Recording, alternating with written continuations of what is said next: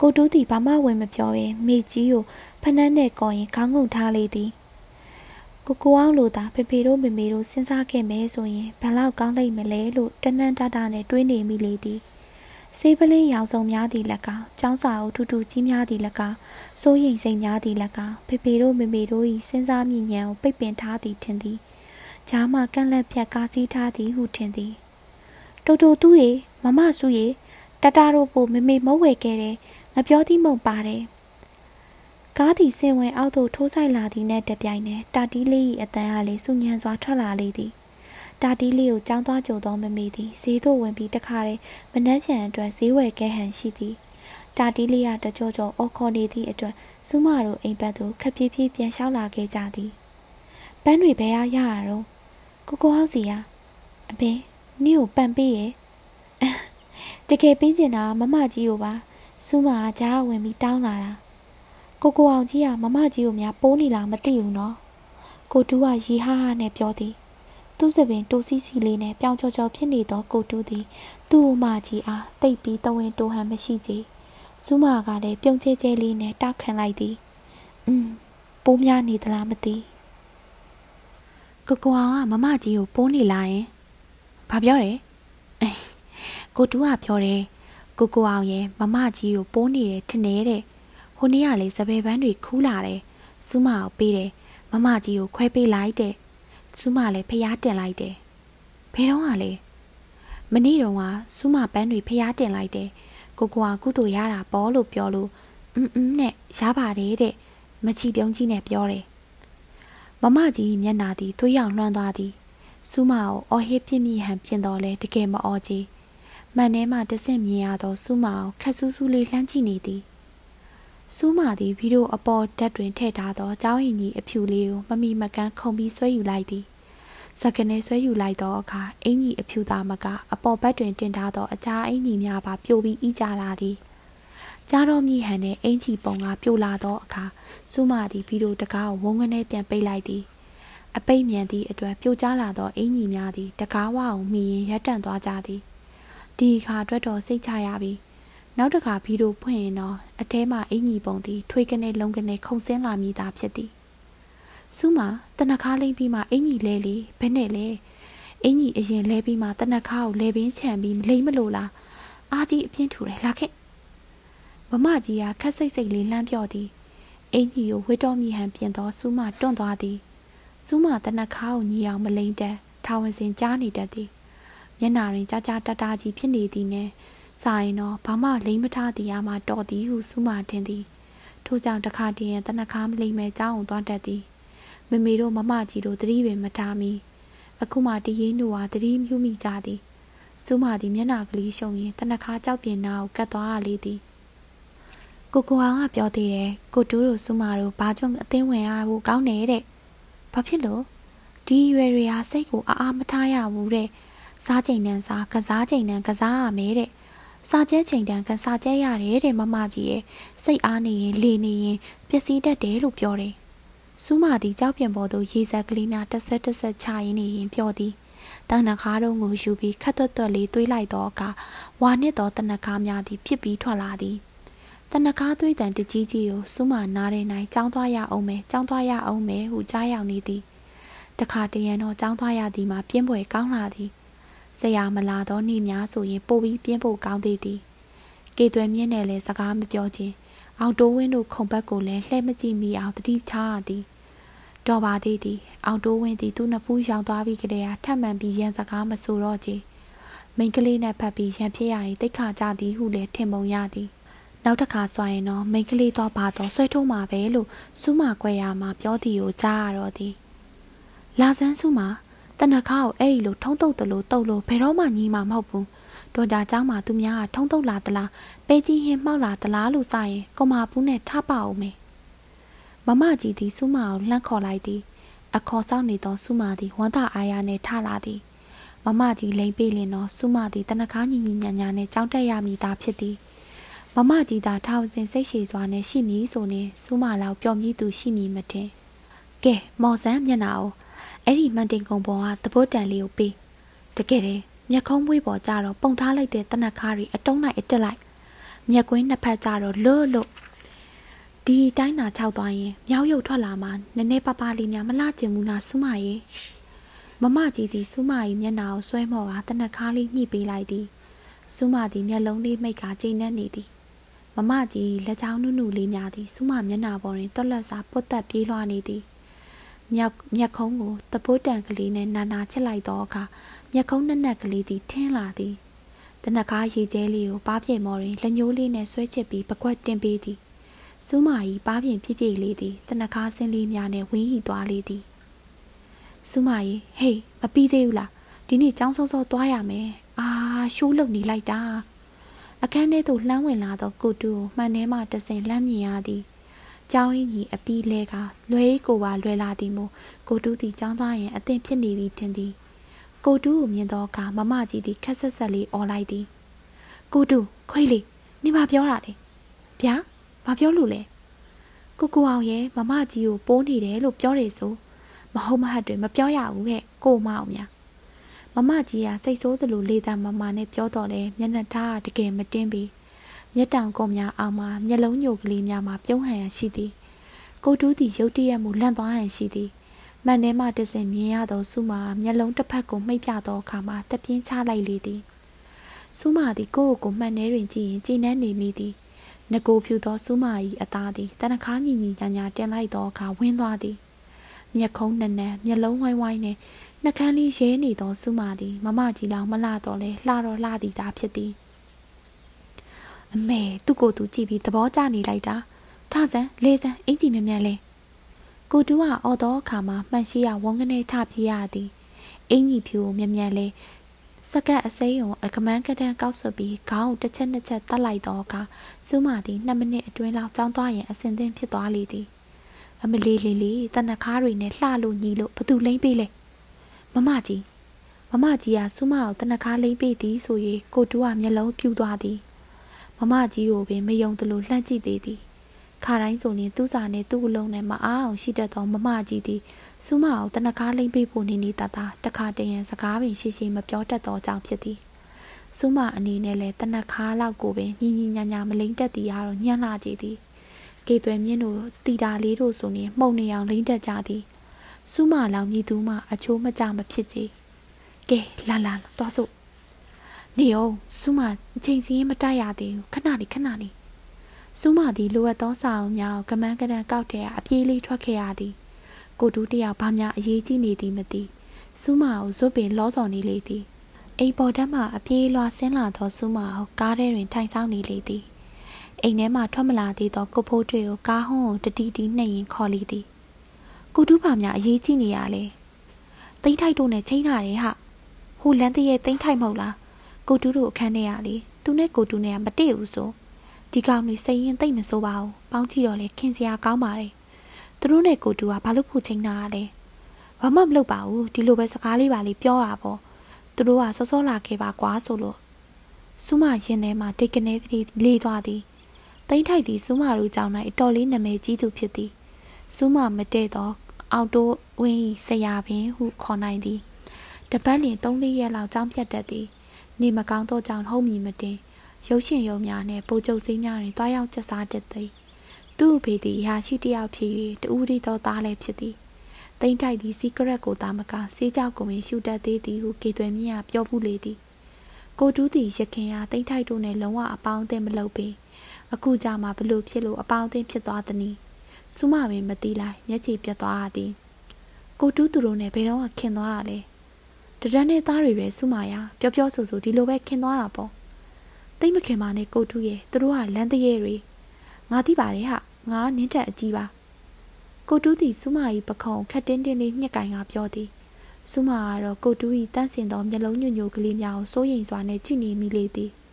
ထိုမျက်လုံးညွညိုလေးများတွင်တိမ့်ထိုက်တို့၏အရိပ်များဟပ်လာပြီးညစ်သေးသွားသည်မဟုတ်လဲစိုးရိမ်ရမိသည်တိမ့်ထိုက်တို့သည်လူကောင်းမဟုတ်ဒါကိုကိုတူးလည်းသိတင်သည်သိထားတင်သည် လူဆိုတာတော်တိုင်းနဲ့ကောင်းတာမဟုတ်ဘူးကောင်းတိုင်းနဲ့တော်တာမဟုတ်ဘူးသားလေးရ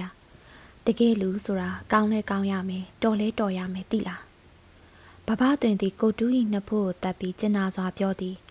ဘဘတွင်ကိုမိတိုင်းနေသောကိုတူး၏မျက်လုံးလေးများသည်အယောင်တောက်ကရွှွန့်ပနေကြသည်ကြီးကြီးသည်ချစ်ခင်စွာစကားပြောနေကြသောကိုတူးနှင့်ပပသွင်အားပြုံးပြီးငေးကြည့်နေလေသည်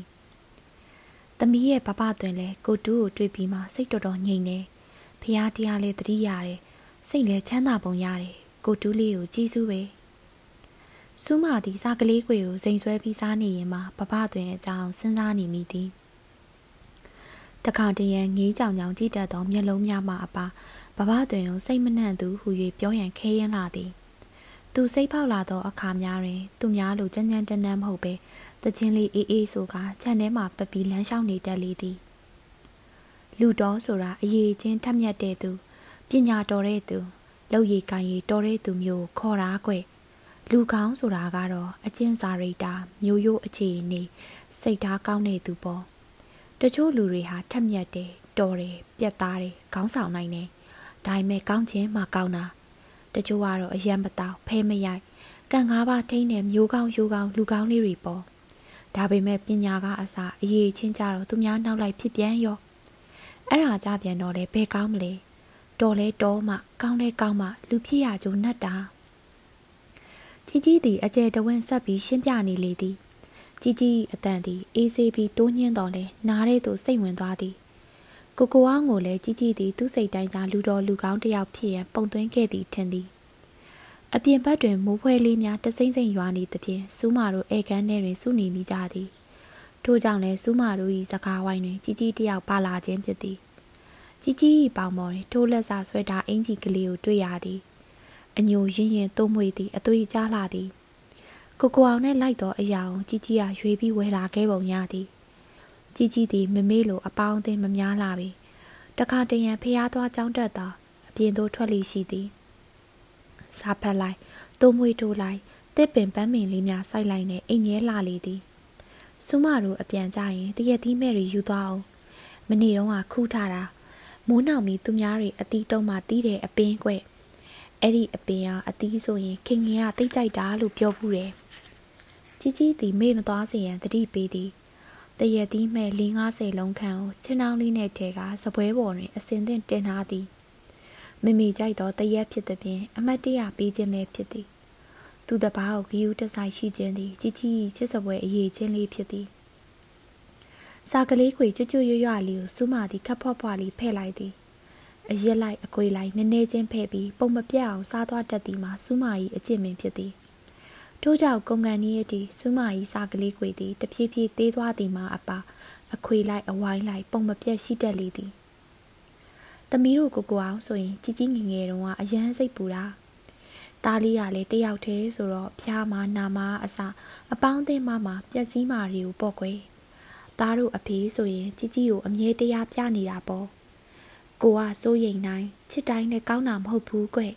တခါတရံချစ်လို့အလိုလိုက်တာကလည်းပျက်စီးဖို့ရာလမ်းစာဖြစ်တယ်။စိုးရိမ်လို့ပိတ်ပင်တာကလည်းအစွမ်းအစတုံးတက်တယ်။ဒီတော့အမြဲတမ်းတတိနဲ့ချစ်ပြီးတတိနဲ့စိုးရိမ်ရတာပေါ့ကွယ်။အခုတော့သမီးတို့ကိုကိုအောင်ကိုကြီးကြီးဟာစိတ်ကြပါပြီ။ သူဟာသူ့ဟာသူအမားအမှန်ကိုဆုံးဖြတ်နိုင်တဲ့အရွယ်ရောက်ပြီး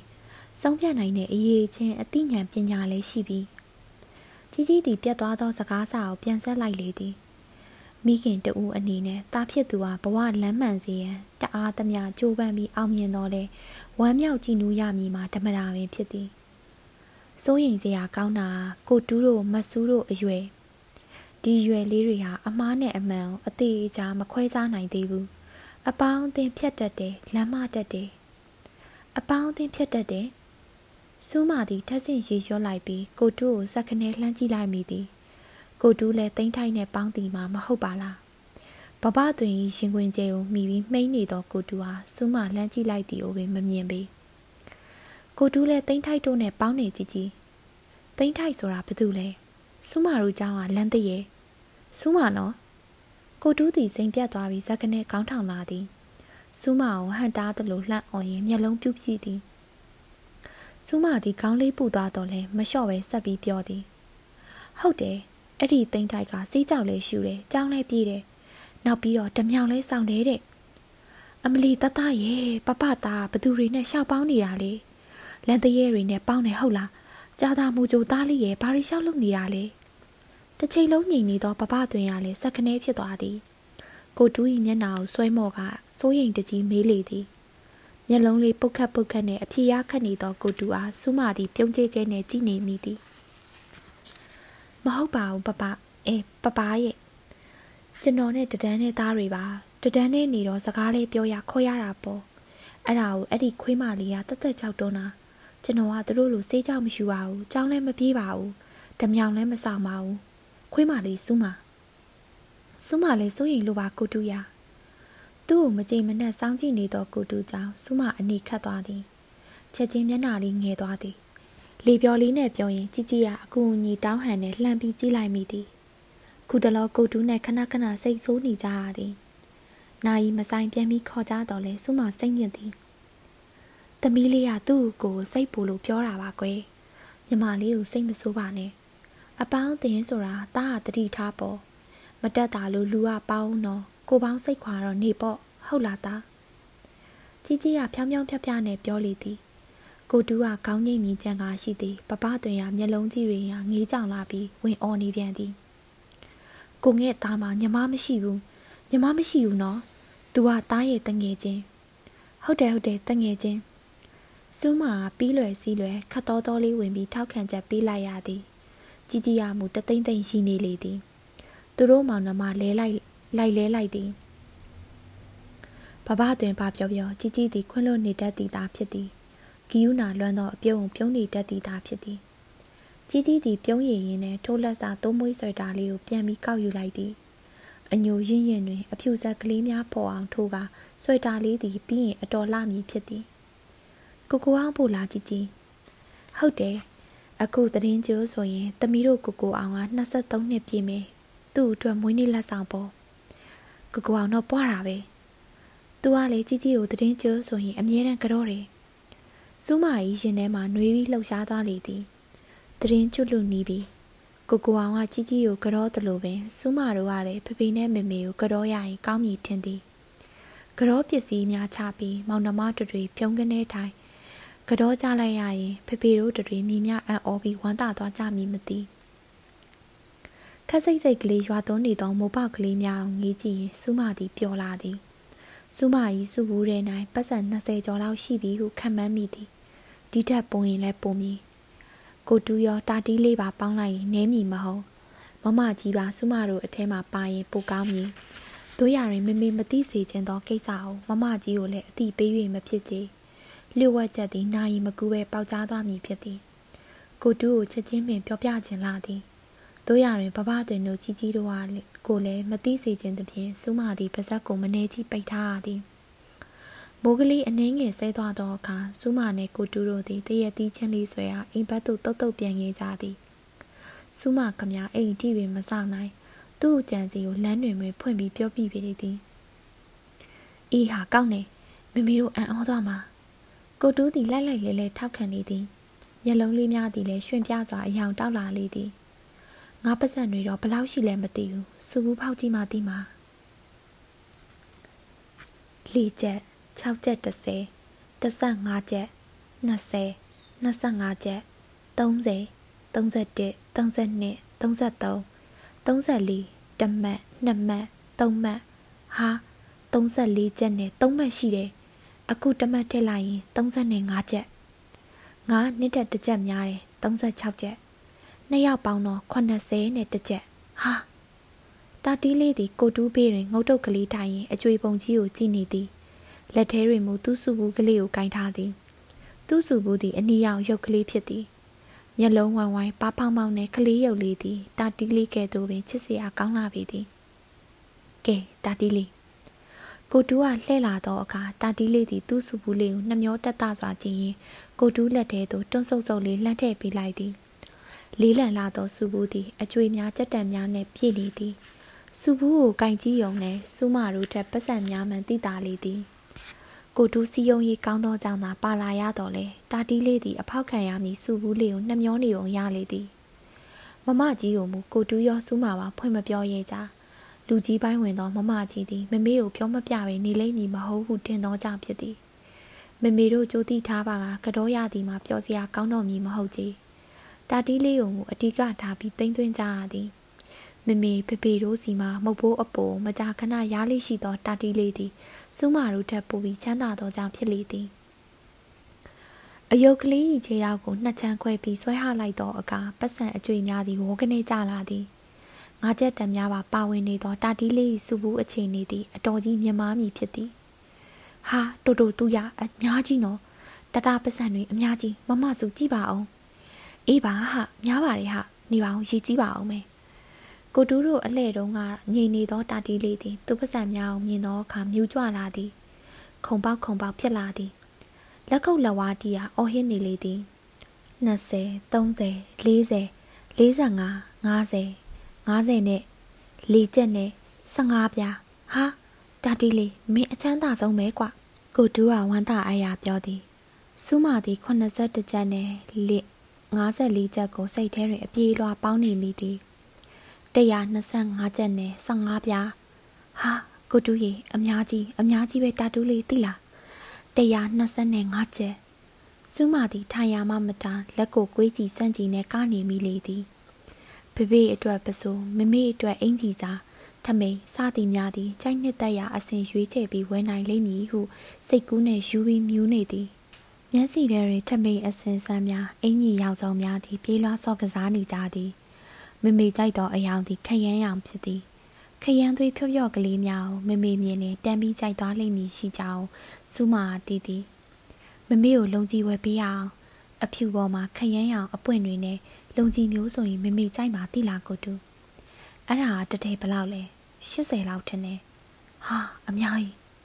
ကိုတူကမျက်လုံးပြုတ်သွားသည်မမေကို80တန်းထမင်းဝယ်ပြီးကြောလိုက်လေဖေဖေအတွက်45ချက်သာကျန်တော်မီမို့စိတ်ရှုပ်သွားသည်တာတီးလေးရမှုအကျွေပုံကြီးကိုကြည့်ကအကျေနဲ့ကြီးကျေနပ်နေတော့ကြောင့်ဘာမှဝင်မပြောအားသေးကြီးအင်ကြီးစားဆိုရင်ရောကိုတူကတစ်ဖက်လှည့်ကစဉ်းစားသည် ထမိန်နဲ့စာနဲ့အင်ကြီးစားတတလိမ့်မည်မျောလင့်တော့ကြောင့်ဖြစ်သည်မမေအတွက်အင်ကြီးစားနဲ့ဖေဖေအတွက်အင်းလေးလုံကြီးဆိုရင်ရှိသောငွေနဲ့အလောတော်လောက်ဖြစ်မည်ဟုထင်သည်ငွေပိုလင်တော်သေးသည်လူနေလင်းလဲအခက်ကြုံကြီးစူးမာတို့နိုင်ထပ်ပြီးစိုက်စရာပတ်စံမရှိတော့ကြီးပတ်စံရင်လှလှကလေးဆိုရင်ရောအနှွေအင်ကြီးကလေးဆိုရင်ကောင်းပါအိုးဈေးကိုသွားပြီးအသေးချာသွားပြီးကြီးမှတိမှအဲ့ဒီလိုသွားပြီးကြီးမှပဲကြိုက်တာရွေးဝဲအေးဟုတ်တယ် စိတ်ကူးနဲ့စဉ်းစားနေလို့ကတော့ပိုနေတာပဲတာတီးလေးသည်အကျွေပုံကြီးပေတွင်ဝိုင်းကြီးပတ်လဲကရင်ပျော်နေရောသည်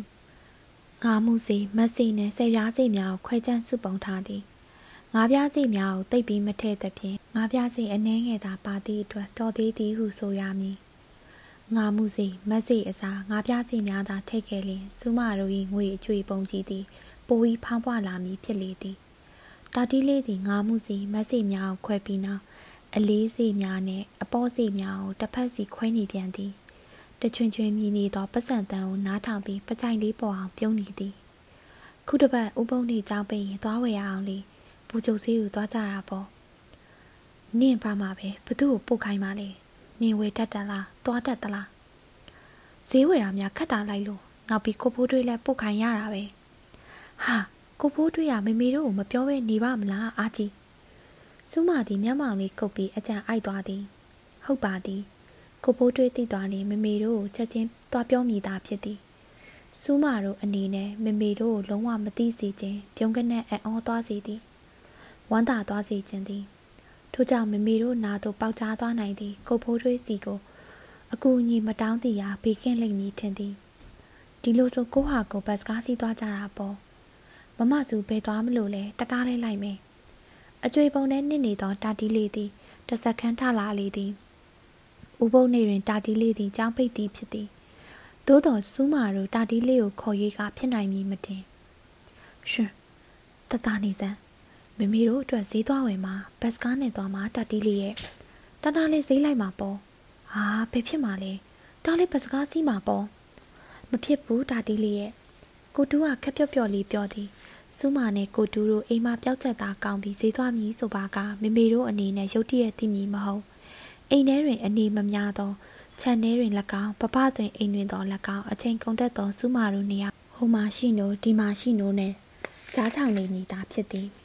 တာတီးလေးပါလာလျင်ကတကယ်ကိုအနေရဖြစ်သည်မမေသည်တာတီးလေးပြောင်းနေလျင်ချက်ချင်းသိမိဖြစ်သည်သို့တော်တာတီးလေးတဒန်းနဲ့နဲ့ဆိုရင်စူးမာရောကိုတူပါပစ္စည်းမရွေးနိုင်ပဲကလေးထိန်နေကြရမည်ဖြစ်သည် တာတီးလေးကလည်းလိမ်မာသားနဲ့ကွာမမစုတို့ဝယ်လာတဲ့ပစ္စည်းကိုတာတီးလေးကိုအင်ရအောင်ချင်းပြမှာပေါ့ဘတ်စကားနဲ့ဆိုကြက်ကကြက်လူကတိုးနေကြက်ကြက်ပဲလိုက်မှာပေါ့အိုကွာကောင်းကောင်းပြောနေတာကိုမရအောင်လားစုမသည်ခန်းကြီးကြီးလေးပြောလိုက်သည်တာတီးလေးကမူငိုတော့မရအောင်မိတ်တဲ့တဲ့လေးဖြစ်နေသည်သူ့ကိုမှုန်ကုတ်ကုတ်ကြည့်နေတော့ကိုတူးနဲ့စုမကိုငုံမဲမဲလေးနဲ့တစ်ချက်စီလိုက်ကြည့်လိုက်သည်တာတီးလေးကောင်းမတက်သည်ကိုစုမသည်သည်အတွက်အတော်စိတ်ရှုံမိသည် သူလိုက်ချင်တိုင်းမလိုက်ရလင်ဖိုးတာဒီချိန်နှက်လိမ့်မည်မဟုတ်အတင်းကုတ်ကပ်ပြီးလိုက်ဖြစ်အောင်လိုက်တော့မည်ပီတီတီဆွဲမျိုးသည်တာတီလေးထန်လိုက်တာရှိသည်တော်ကြနေအပြေးကြီးနဲ့ပြုံးကနေငိုချလိုက်ရင်စူးမတို့တွေအမှုပတ်မိသားဖြစ်သည်တသားရီ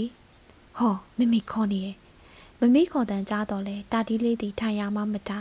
ဝေချင်းအများဆုံးထဲဝင်သားသောအစုရှင်ကိုဈေးဝယ်ရာတွင်တော့ထဲသွင်းမစင်းစားသောအခါတထေးမင်းကလေးသည်အတော်စိတ်ညစ်ညူးနေဟန်ရှိသည်တတားလဲလိုက်မှာပဲသူ့ဆန္ဒကိုသာထပ်မံတင်ပြသည်စူးမသည်တာတီလေးရာကမန်းကရန်ဆွဲထူလိုက်သည်သို့တော်မမေအခန်းထဲဝင်လာရင်ပတ်စံပုံကြီးကိုတန်းထွေပြီးစစ်ဆေးတော်မူဖြစ်သည်တသားရီတာတီလေးတတားလဲလိုက်မှာပဲမမေခြေတန်းသည်အခန်းသားသို့နီးလာသည် တာတီလေးရာပေကက်ကက်နဲ့မထုသေးချေစူးမစိတ်တိုလာသည်ရင်ခုန်လာသည်လိုက်ရမယ်ဟာလိုက်ရမယ်တော်တော်မြင်မြတ်သွားကတဲမှာပဲခွေးတာတီတာတီးလေးမျက်နာသည်ပြုံးကနေကြည်လင်သွားသည်တကားဝါကိုပြေးသွားပြီးမမေအခန်းထဲမဝင်မိအောင်ဥအောင်ထွက်လိုက်နိုင်သည်ဝုန်းကနေပြန်ပိတ်သွားသောတကားကိုကြည့်ရင်ကိုတူးသည်တက်ပြင်းကြီးဟင်းကနေချလိုက်သည်ထို့နောက်အကျွေများကိုလက်ကင်ပဝါထဲကျုံထည့်ပြီးထုတ်နေသည်ဟွန်းတော်တော်ဒုက္ခပေးတဲ့တာတီးလေး အားကြီးချစ်ကြတဲ့ချစ်ကလေးတော်တော်ဒုက္ခပေးတဲ့တာတီးလေးချစ်ကလေးသူ့ပဲကြောက်နေရတာပဲလာလာသွားစို့ကိုတူးသည်တပ်ပြင်းချရင်ပြောသည်တာတီးလေးအိပ်ပျော်သွားသည့်အထိစိတ်မရှိစွာနှင့်စောင့်ဆိုင်နေရသည်မေမေသည်အနီများတို့ရောက်နေချိန်မှလက်ဖက်ရည်ဝိုင်းတွင်စကားကောင်းနေသည်ထို့သောသာဆိုရင်စုမတို့ကိုသာမကတာတီးလေးကိုပင်တခါတရံမေးသွားတတ်သည်မို့ဈေးသို့သွားနေသွားမှသိပြီမဟုတ်ခတ်တီဟာတာတီးလေးဖြစ်သည် ကိုတူတို့ဈေးသွားမည်ကိုသိကြတဲ့ဟာအနာမမခွာတော့ကြည်မျက်ခြေအပြတ်မခံပဲကတ်နေသည်ထို့ကြောင့်ကိုတူးနဲ့စူးမာတို့နှစ်ဦးသာဆေးသွားရဖို့ရာတတိပင်မရကြသလိုဟန်မပြတ်နေကြရသည်တာတီလေးပြင်းပြီးအိပ်ပျော်သွားသောအခါမှာအောက်ထပ်သို့ခတ်သွက်သွက်လေးဆင်းခဲ့ကြရသည်စကားကောင်းနေသောမမေအရေးချေကိုကဲကြည့်ပြီးအိမ်ထဲမှမရောက်မလဲထွက်လာကြရသည်ပတ်စံတွေကလေးလိုက်တာလွန်ရောဆိုင်မှာအဲ့ဓာတွေသွားပေးလို့ရပါမလား အောင်မပတ်စံမဲဘာပတ်စံမဲဖြစ်ဖြစ်ရမှာပေါ့ကိုတူးကလွယ်ထားသောလွယ်ဤပြလေးသည်ဤပြီးတွဲကြနေသည်ပတ်စံအကျွေးများကိုတစ်ချက်ချင်းနှစ်ချက်ချင်းရေတွက်ပြီးသွားရင်ဈေးရောက်သူတို့အော်ထုတ်လိုက်မိကိုလည်းစူးမတွေးပြီးစိုးရိမ်နေသည်ထိုစဉ်တွင်စူးမကြောင်းလာသောခေါ်တန်လေးကိုကြားလိုက်ရရင်မျက်လုံးဝိုင်းသွားသည်တိုးတိုးသူဟာဟိုက်ရောတာတီးလေးသည်အိမ်ထဲမှကစုံပေါက်ထွက်လာသည်စူးမရင်ထဲမှဒိတ်ကနေဖြစ်သွားပြီးစိတ်ပြက်ကြီးပြက်သွားလေသည် ကိုရောကြောကလေးကိုဘယ်နည်းနဲ့မှခွာထုတ်ရမည်ကိုမတိတက်အောင်ရှိတော်သည်တတားလေးလိုက်မယ်လိုက်မှာပေါ့တလိမ့်လိမ့်ပြင်းဟစ်ကျွေးနေလေသည်ပြုံးကနေငိုချလိုက်တော့မလို့မျက်ရည်ဝိုင်းနေသည်ကိုတူးသည်တပ်ပြင်းကြီးကိုဟင်းကနေချလိုက်ရင်ခေါင်းခုန်နေရှာလေသည်ဘဲပုံပေနီအိယာကနိုးပြီးလူးလဲထားခဲ့သည်မသိအိမ်မုံဆောင်မွားနဲ့မျက်လုံးမင်ကောင်းစွာမပွင့်သေးတော့လဲမကြေမနက်အော်နေလေသည်ညီလေးရလဲကွာလိမ့်မာသားနဲ့ကိုကိုတို့ကရှိုးချင်းတွေဝယ်ခဲ့မှာပါနေခဲ့နော် လိုက်မယ်တာတီးလေးရဲ့ဟိုးဝေးကြီးကိုသွားရမှာအဝေးကြီးရဲ့လိုက်မယ်ဘတ်စကားကြီးနဲ့သွားရမှာတွားမယ်လူကြက်ကြက်ကြီးစီးရမှာစီးမယ်တာတီးလေးဒီကောင်းမှလားသည်ကိုတူးဤလက်တစ်ဖက်ကိုအတင်းဆွဲတိုင်းတောက်တဲ့လေးလိုကတ်နေသည်မျက်ရည်ဝိုင်းနေသည်နှကန်းလေးစူနေသည်မျက်မှောင်လည်းကုပ်နေသည်ခြေထောက်ကိုဆုံဆောက်နေသည်လိုက်မှာပဲတတလိုက်မှာပဲလိုက်မယ်လိုက်မှာပဲ ကိုတူးနဲ့စူးမှာပျော်ပြောင်းမြည်ဟန်မပြတော့အခါအာပြဲကြီးနဲ့ငိုရန်ဟန်ပြင်းတော့သည်တာတီးလေးကိုတန်ကိုတာမိမိကြားပါကစီစဉ်ထားသမျှအကုန်ပြတ်ချီတော်မူကိုတူးသည်သူ့ကောင်းလက်နှစ်ဖက်နဲ့ဆုံကုန်ရင်စောင့်ကြီးအောင်ကြီးပြောသည်တလောက်ဖြစ်လာတာလိုက်စမ်းလိုက်ခဲ့ကားပေါ်ကြမှာလူကြားညက်နေမအော်နဲ့ဘုဒ္ဓဒီလေးသည်တော်တော်တက်နိုင်သည်လိုက်ရမည်ဟုခွင့်ပြုချက်ရသောအခါမျက်ရည်ကြားမှာချက်ချင်းပြုံးလာသည်ပချိုင်လေးပေါ်လာသည်မျက်လုံးလေးကြည်လာသည် ဘာမှရှိရှိဝေးဝေးပြောရမလို့တော့စူးမတို့နှစ်ဦးကြားတွင်တာတီးလေးသည်ခုံပေါက်ခုံပေါက်နဲ့ပါလာလေတော့သည်အိမ်ထဲမှလမ်းမကြီးတို့ရအောင်မောင်နှမသုံးအမြန်ဆုံးတုတ်ချီတင်ခဲ့ကြသည်လူကြီးမပါပဲတခါမှအပြင်မထွက်ဘူးသောတာတီးလေးသည်အကြည်နဲ့ကြီးကြည်နှက်နေသည်မမစုဘာဝယ်မှလဲမမေးဖို့အင်ကြီးဖေဖေးဖို့လုံကြီးလှလှလေးဝယ်နော်အေးပေါ်လှလှလေးရွေးဝယ်ရမှာပေါ့တတလေးရွေးပေးမယ်အေးအေးအတူတူဝိုင်းရွေးကြမယ် ဘာပဲပြောပြောတာတီးလေးကိုကြည့်ရင်စူးမပါစိတ်ကြည်ညိုပြီးအန်တနာလာသည်သူကမြစူးမတို့ချီကိုမိအောင်မနေကြီးလိုက်နေရရှာတော့လဲလုံးဝမညီပေခုံပေါက်ခုံပေါက်နဲ့မိအောင်လိုက်သည်တာတီးလေးမောနေပြီလားမောပါဘူးတူတူသူရောမောပါဘူးကွာလွယ်ကြီးလေးရင်တတလွယ်ပေးမယ်လीနော်တူတူတူအမလီနေပါစေတာတီးလေးရဲ့ကိုတူရောစူးမပါကြာရှည်စိတ်မတူနိုင်ကြပဲတာတီးလေးကိုကြည်ကရီရော့သည် ပြုံးရတော့သည် မျက်မှောင်မတိမတာကုတ်နေသောကိုတူသည်ချက်ချင်းပင်မျက်မှောင်အတွန်ပြေးသွားရင်တာတီးလေးပကုံညှစ်ကိုင်းလိုက်လေသည်စကားချွတ်ချွမျက်နာချွတ်ချွလေးနဲ့တာတီးလေးသည်ကိုတူးတို့မမဆူတို့ကိုအရေးပြောသွားအောင်ချွဲနေကြဖြစ်သည်သူ့ကိုမြည်သူမှကြာရှည်စိတ်မစိုးနိုင်ကြခြင်းမင်းကားပေါ်ကြရင်လူတွေကြားညက်နေမှာအဲ့ဒီကြမှာမအော်နဲ့တိလားအော်ပါဘူးတူတူသူရတာတီးလေးသည်မျက်နာလေးကိုမော်ရင်မခံကျင်သလိုပြောလေသည် သူစကားနဲ့အညီမအော်မဟစ်မိအောင်အတော်လေးစူးစမ်းပုံတော့ရသည်တို့ရရင်ငပိငကျင်တိတ်နေသောကားပေါ်သို့အထွေးထွေးအလုံးလုံးတက်လာကြပြီးသည်နောက်မကြမီတွင် ဖိုးတာတီလေးစကားဖြတ်တော်သည် အာနားတယ်နားတယ်တတားချေတာကိုနင်းနေအင်းကြက်ပိတ်သိမ့်နေသောလူများကြားထဲမှာတာတီးလေး၏အတန်သည်စူးစူးဝါးဝါထွက်လာသည်ရန်ကုန်ဘတ်စကား၏အရာတာကိုစုမာတို့တဲ့အရင်တာတီးလေးသည်ပွဲဥထွက်ခန်းစားလိုက်ရရင်ရှိသည် တာတီးလေးအရက်ကပူနေသည်မို့လူကြားထဲတွင်ဘယ်နေရာညနေမှန်စုမာချက်ချင်းမတွေ့ခေါင်းကိုဘယ်ရင်းညာရမ်းနဲ့တွန်းတိုက်ကရှာသောအခါမှာတာတီးလေးရှုံးမဲ့နေသောမျက်နှာလေးကိုကွက်ကွက်ကလေးတွေ့ရသည်ဘသူလည်းမသိဘူးတတားခြေတော့ကိုနှင်းထားတယ်အင်းဖဲ့ဖဲသွားပြီတာတီးလေးခြေပမိုးနုနုလေးကိုသွေးချေဥလီအောင်တက်နှင်းသွားတော့သူမြည်သူမှမသိနိုင်ကြစူးမမပြောနဲ့အနှင်းခံလိုက်ရတော့တာတီးလေးပင်မြည်သူမှမသိ မသိနိုင်အောင်လူကကြက်နေသည်နေတာတီးလေးအဲ့ဒီနားမှာပဲနေမမဆူလာခဲ့မယ်အဲ့ဒီတန်းကိုကင်ထားစူးမသည်တာတီးလေးစီရောက်သည့်အထိခြေလန်းနှလန်းစာကိုခဲရဲရင်းရင်းနဲ့တိုးသွားလေသည်တာတီလေးပေးရှိမိမကြီးဟာအနောက်ဘက်သို့ဆုတ်သွားရင်စူးမသည်အတန်ငယ်အသက်ရှူနိုင်လေသည်မမဆူတော်တော်သူရောဟိုမာလီတတမတွေ့လို့ဘယ်တွေ့မလဲနေ့ရက်ကပူပူလေးတားချစ်တော့အရန်နာတယ် အောက်ထောင်တာတီးလေးရဲ့ကားပေါ်ဟာဆင်းมาကြည့်ပေးမယ်နော်ခြေချင်းလိမ်နေသောကားပေါ်တွင်တာတီးလေး၏ခြေထောက်ကိုပင်အသေးချာမြင်အောင်မကြည့်နိုင်ကြမြင်လျက်နဲ့မြင်ယုံအပြင်လက်နဲ့ပင်ပွတ်နိုင်မည်မဟုတ်စုမရောတာတီးလေးပါမလှုပ်တာအောင်ငကြောက်ပြားကလေးများကဲ့သို့ဆန်းဆန်းရဲရဲနဲ့ပြားကကြက်ညက်နေလေသည်ဘတ်ကားတွေကတိတ်ကျက်တယ်ဟာဟုသောကိုဖိုးတွေ့ပြောလိရှိသည့်စကားစုမတို့တွေကိုမှကိုရိနားလေတော့သည် အသက်ကြီးလာသဖြင့်ဝါကကိုလုံးအလှပြက်မြည်ဆိုသောမိမိသည်ထမင်းလျှော့စားလိရှိသည်စုမစဉ်းစားမိသည်မိမိအနေနဲ့ထမင်းလျှော့စားရန်မလို့ဘတ်ကားဟူသာတနေ့လင်တနာရီလောက်တိုးကျိတ်စည်းသွင်းသည်မမေမပိန်လင်ပြောချင်တယ်လို့ပြောရောဟုစိန်ခေါ်ရဲသေးသည်မမစုတာတီးလေးကတိုးတိုးခေါ်ပြန်သည်ဘာလဲဤစော်နဲ့နဲ့စူးမကြီးနှက်ခေါင်းသည်ချက်ချင်းပင်ရှုံသွားသည် တာတီးလေးသည်လည်းတန်ပါးတန်းကိုလက်နက်ဖက်နဲ့တင်းတင်းဆုံရင်မျက်နာလေးရှုံနေသည်သူခမအရက်ပူရှာသည်မို့သူများတကာကြီးခါကြတင်ကြားတဲ့တွင်မျက်နာအထားရလေသဖြင့်စူးမတဲ့အရင်အနှမ်းရခြင်းဖြင့်ဟန်တူသည်မတ်တိုင်ပါရင်ကျုပ်ပြောအလေကိုတိုးခိုးမစည်းကြနဲ့နောက်ဘက်ကအင်ကြီးအဝါနဲ့ငါညီပန်ပါပေါ်ကနေခိုးမစည်းနဲ့ညဉ့်ညံစီနေသောလက်မှတ်ရောင်း၏အတန်သည်အီးနံ့နဲ့လုံးနေသည် လေဟူသည်မှာနေရအရန်မှာအမြင့်သို့လွှင့်ပါပြီးတက်သွားတင်သည်ဟုစူးမထင်သည်အခုတော့အီးနံ့သည် အထက်သို့တက်မသွားကြသွားရန်လည်းနေရလည်းရှိဟန်မတူချက်နေသောကြောင့်စူးမတို့အနာတွင်သာအာနာပါနာနှင့်လှိုက်ကဝဲနေရဟန်တူသည်ဆူးမကမူအရေးတဲ့တွင်တာတီးလေးကိုကြည့်ကအတန်မထွက်အောင်ခွေကနေရှိလိုက်မိသေးသည်သူခမအီးနံ့ကိုမခံနိုင်သဖြင့်ပါဇက်ကလေးကိုတင်းတင်းစေးကအသက်အောင်ထားရှာသည် အတန်ကြာအောက်ပြီးမနေနိုင်သောအခါမှာအာရပါရရှုလိုက်ရသည်သူနှာခေါင်းထဲသို့လိမ့်ဝင်နေသောရနံ့မမေးကြောင်မျက်နှာကလေးမဲ့သွားပြန်သည်ဟွန်းဤပုတ်ကြီးဘေဥပုတ်ကြီးစားပြီးပေါက်တဲ့ဤရနံ့ကပြောင်းမိကြံကရှိသေးသည်နောက်တစ်ချိန်ကြိုင်ပြီးရောထွက်လာပြန်သည်ဒီတခါတော့တာတီးလေးသည်ခံနိုင်ဟန်ရှိရန်မတူတော့သူနှာခေါင်းကိုသူ၏လက်နှစ်ချောင်းနှင့်ညှစ်ကရင်မကြိမ်မနှက်နှင့်ရေရွတ်လေတော့သည် သူနာပတ်လဲတွေဝိုင်းနေသောလူများအောင်မောကြည့်ရင်နှကန်းလေးဆူထွက်လာတော့သည်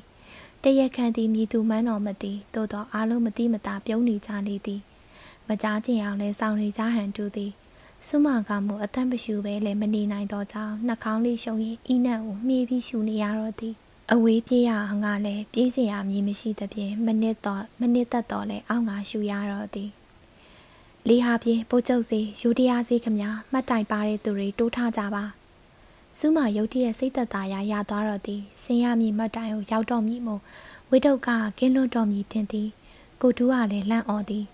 စုမရေတိုးတိုးထားထွက်ထားစုမနဲ့တာတီးလေးတို့သည်လူကြားထဲတွင်တိုးကြဝေးကြရပြန်သည်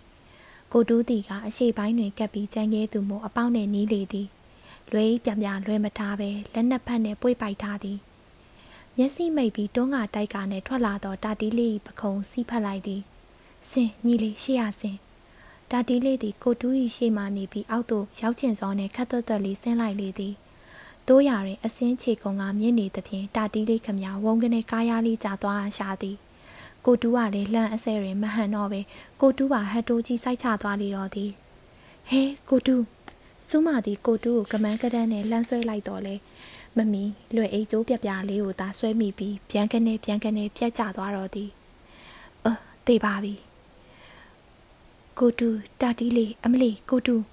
စူးမမျက်လုံးများပြဝေသားသည်ပတ်စံအကျွေများသည်ကားချီနင်းမှတဆင်လမ်းပေါ်သို့ချွင့်ကနေချွင့်ကနေကျဲပြန့်လွင့်ဆင်သွားသည်နှင့်တပြိုင်နက်တည်းကိုတူးသည်လည်းလမ်းပေါ်သို့လေးဘက်ထောက်ကျသွားတော့သည်ကိုတူး၏အောက်တွင်မောက်ရက်ကလေးပြားနေသူဟာတာတီးလေးဖြစ်သည်ဟာကလေးတွေဟမ်ပတ်စံတွေအမေဒိတ်တံများစူညံလာတော့သည်စူးမဘာကိုမှအသေးချာမကြားနိုင်တော့ဘာကိုမှလည်းအသေးချာမမြင်နိုင်တော့ ကားပေါ်မှာဘယ်နည်းပဲမဟုတ်ခုတ်ဆင်းခဲ့သည်ကိုလည်းအမှတ်မရတော့စူးမကိုတူးတို့နာကိုခြေကားရလက်ကားရနဲ့ရောက်ချိန်မှာကိုတူးသည်လည်းသူ့အောက်တွင်ပြားနေသောတာတီးလေးကိုဆွဲထုနိုင်လေသည်ဟွန်းသွေးရီစူးမအယမ်းလန့်သွားသည်တာတီးလေးနှာခေါင်းပေါက်သွားသလားသွားကျိုးသွားသလားတော့မသိနှက်ခမ်းတွင်သွေးများဖြန်းဖြန်းထွက်နေသည်ပလက်ဖောင်းနဲ့တိုင်းပြီးသောကြောင့်ထင်သည်တမျက်နာလုံးပေတူးယုံသားမကအင်ကြီးများလည်းဖုံလူးနေသည်ဒူးစစ်တွင်လည်းအရေးပြားလန်ကနေရဲနေသည် တာတီးလေးညီလေးဘာဖြစ်သွားသေးလဲပင်နာနာသွားသေးတယ်စူးမာဘာလို့ဘာဘာခံရမယ်မသိပဲဝိုင်းကြီးပပတ်ကနေချိန်တွင်ကိုတူးသည်စိုးရိမ်တကြီးမေးနေသည်တာတီးလေးရဘူးသူ့ကိုသူတတိထားပုံထားမိပုံရကြည်လမ်းပေါ်ကြားနေသောလွယ်အိတ်ပြဲနှင့်ပြန်ကျင်းနေသောပတ်စံများကိုသာလက်ညှိုးထွန်းရင်អော်နေသည်အေးတားတို့ပတ်စံနေတားတို့ဟာတွေတူတူသူ့ရဲ့ပြန်ကောက် စိတ်ဆောင်နေသောတာတီးလေးသည်သူ့ဘေးတွင်ရှိသောမက်ဆေ့နှင့်ဆယ်ပြားစီများကိုတဆက်ဆက်ကောက်နေသည်တမျက်နာလုံးပေတူးကနှက်ခမ်းတွေသွေးလူနေသည့်ကြားထဲမှာမျက်လုံးလေးရပြူးနေသေးသည်ကမန်းကဒန်းထားမြည်အပြူတွင်သူ့တူးကိုကြည့်ကအော်ပြန်သည်ဟာတွေးတားချီတော့မှတွေးတွေတာတီလေးတိတ်တိတ်သိမ့်မနာပါဘူးနည်းနည်းလေးနော်နည်းနည်းလေးစူးမာသည်ပတ်စံများကိုခယူးမဆိုင်နိုင်တော့ပဲတာတီလေးကိုဖက်ကချောချောမောမောပြောလေသည်နှက်ခမ်းအကွယ်တူးပြဲနဲ့ တာတီလေးကိုအိမ်ရအောင်မြည်တို့ပြန်ခေါ်ရမည်ကိုမသိနိုင်အောင်ရှိပေသည်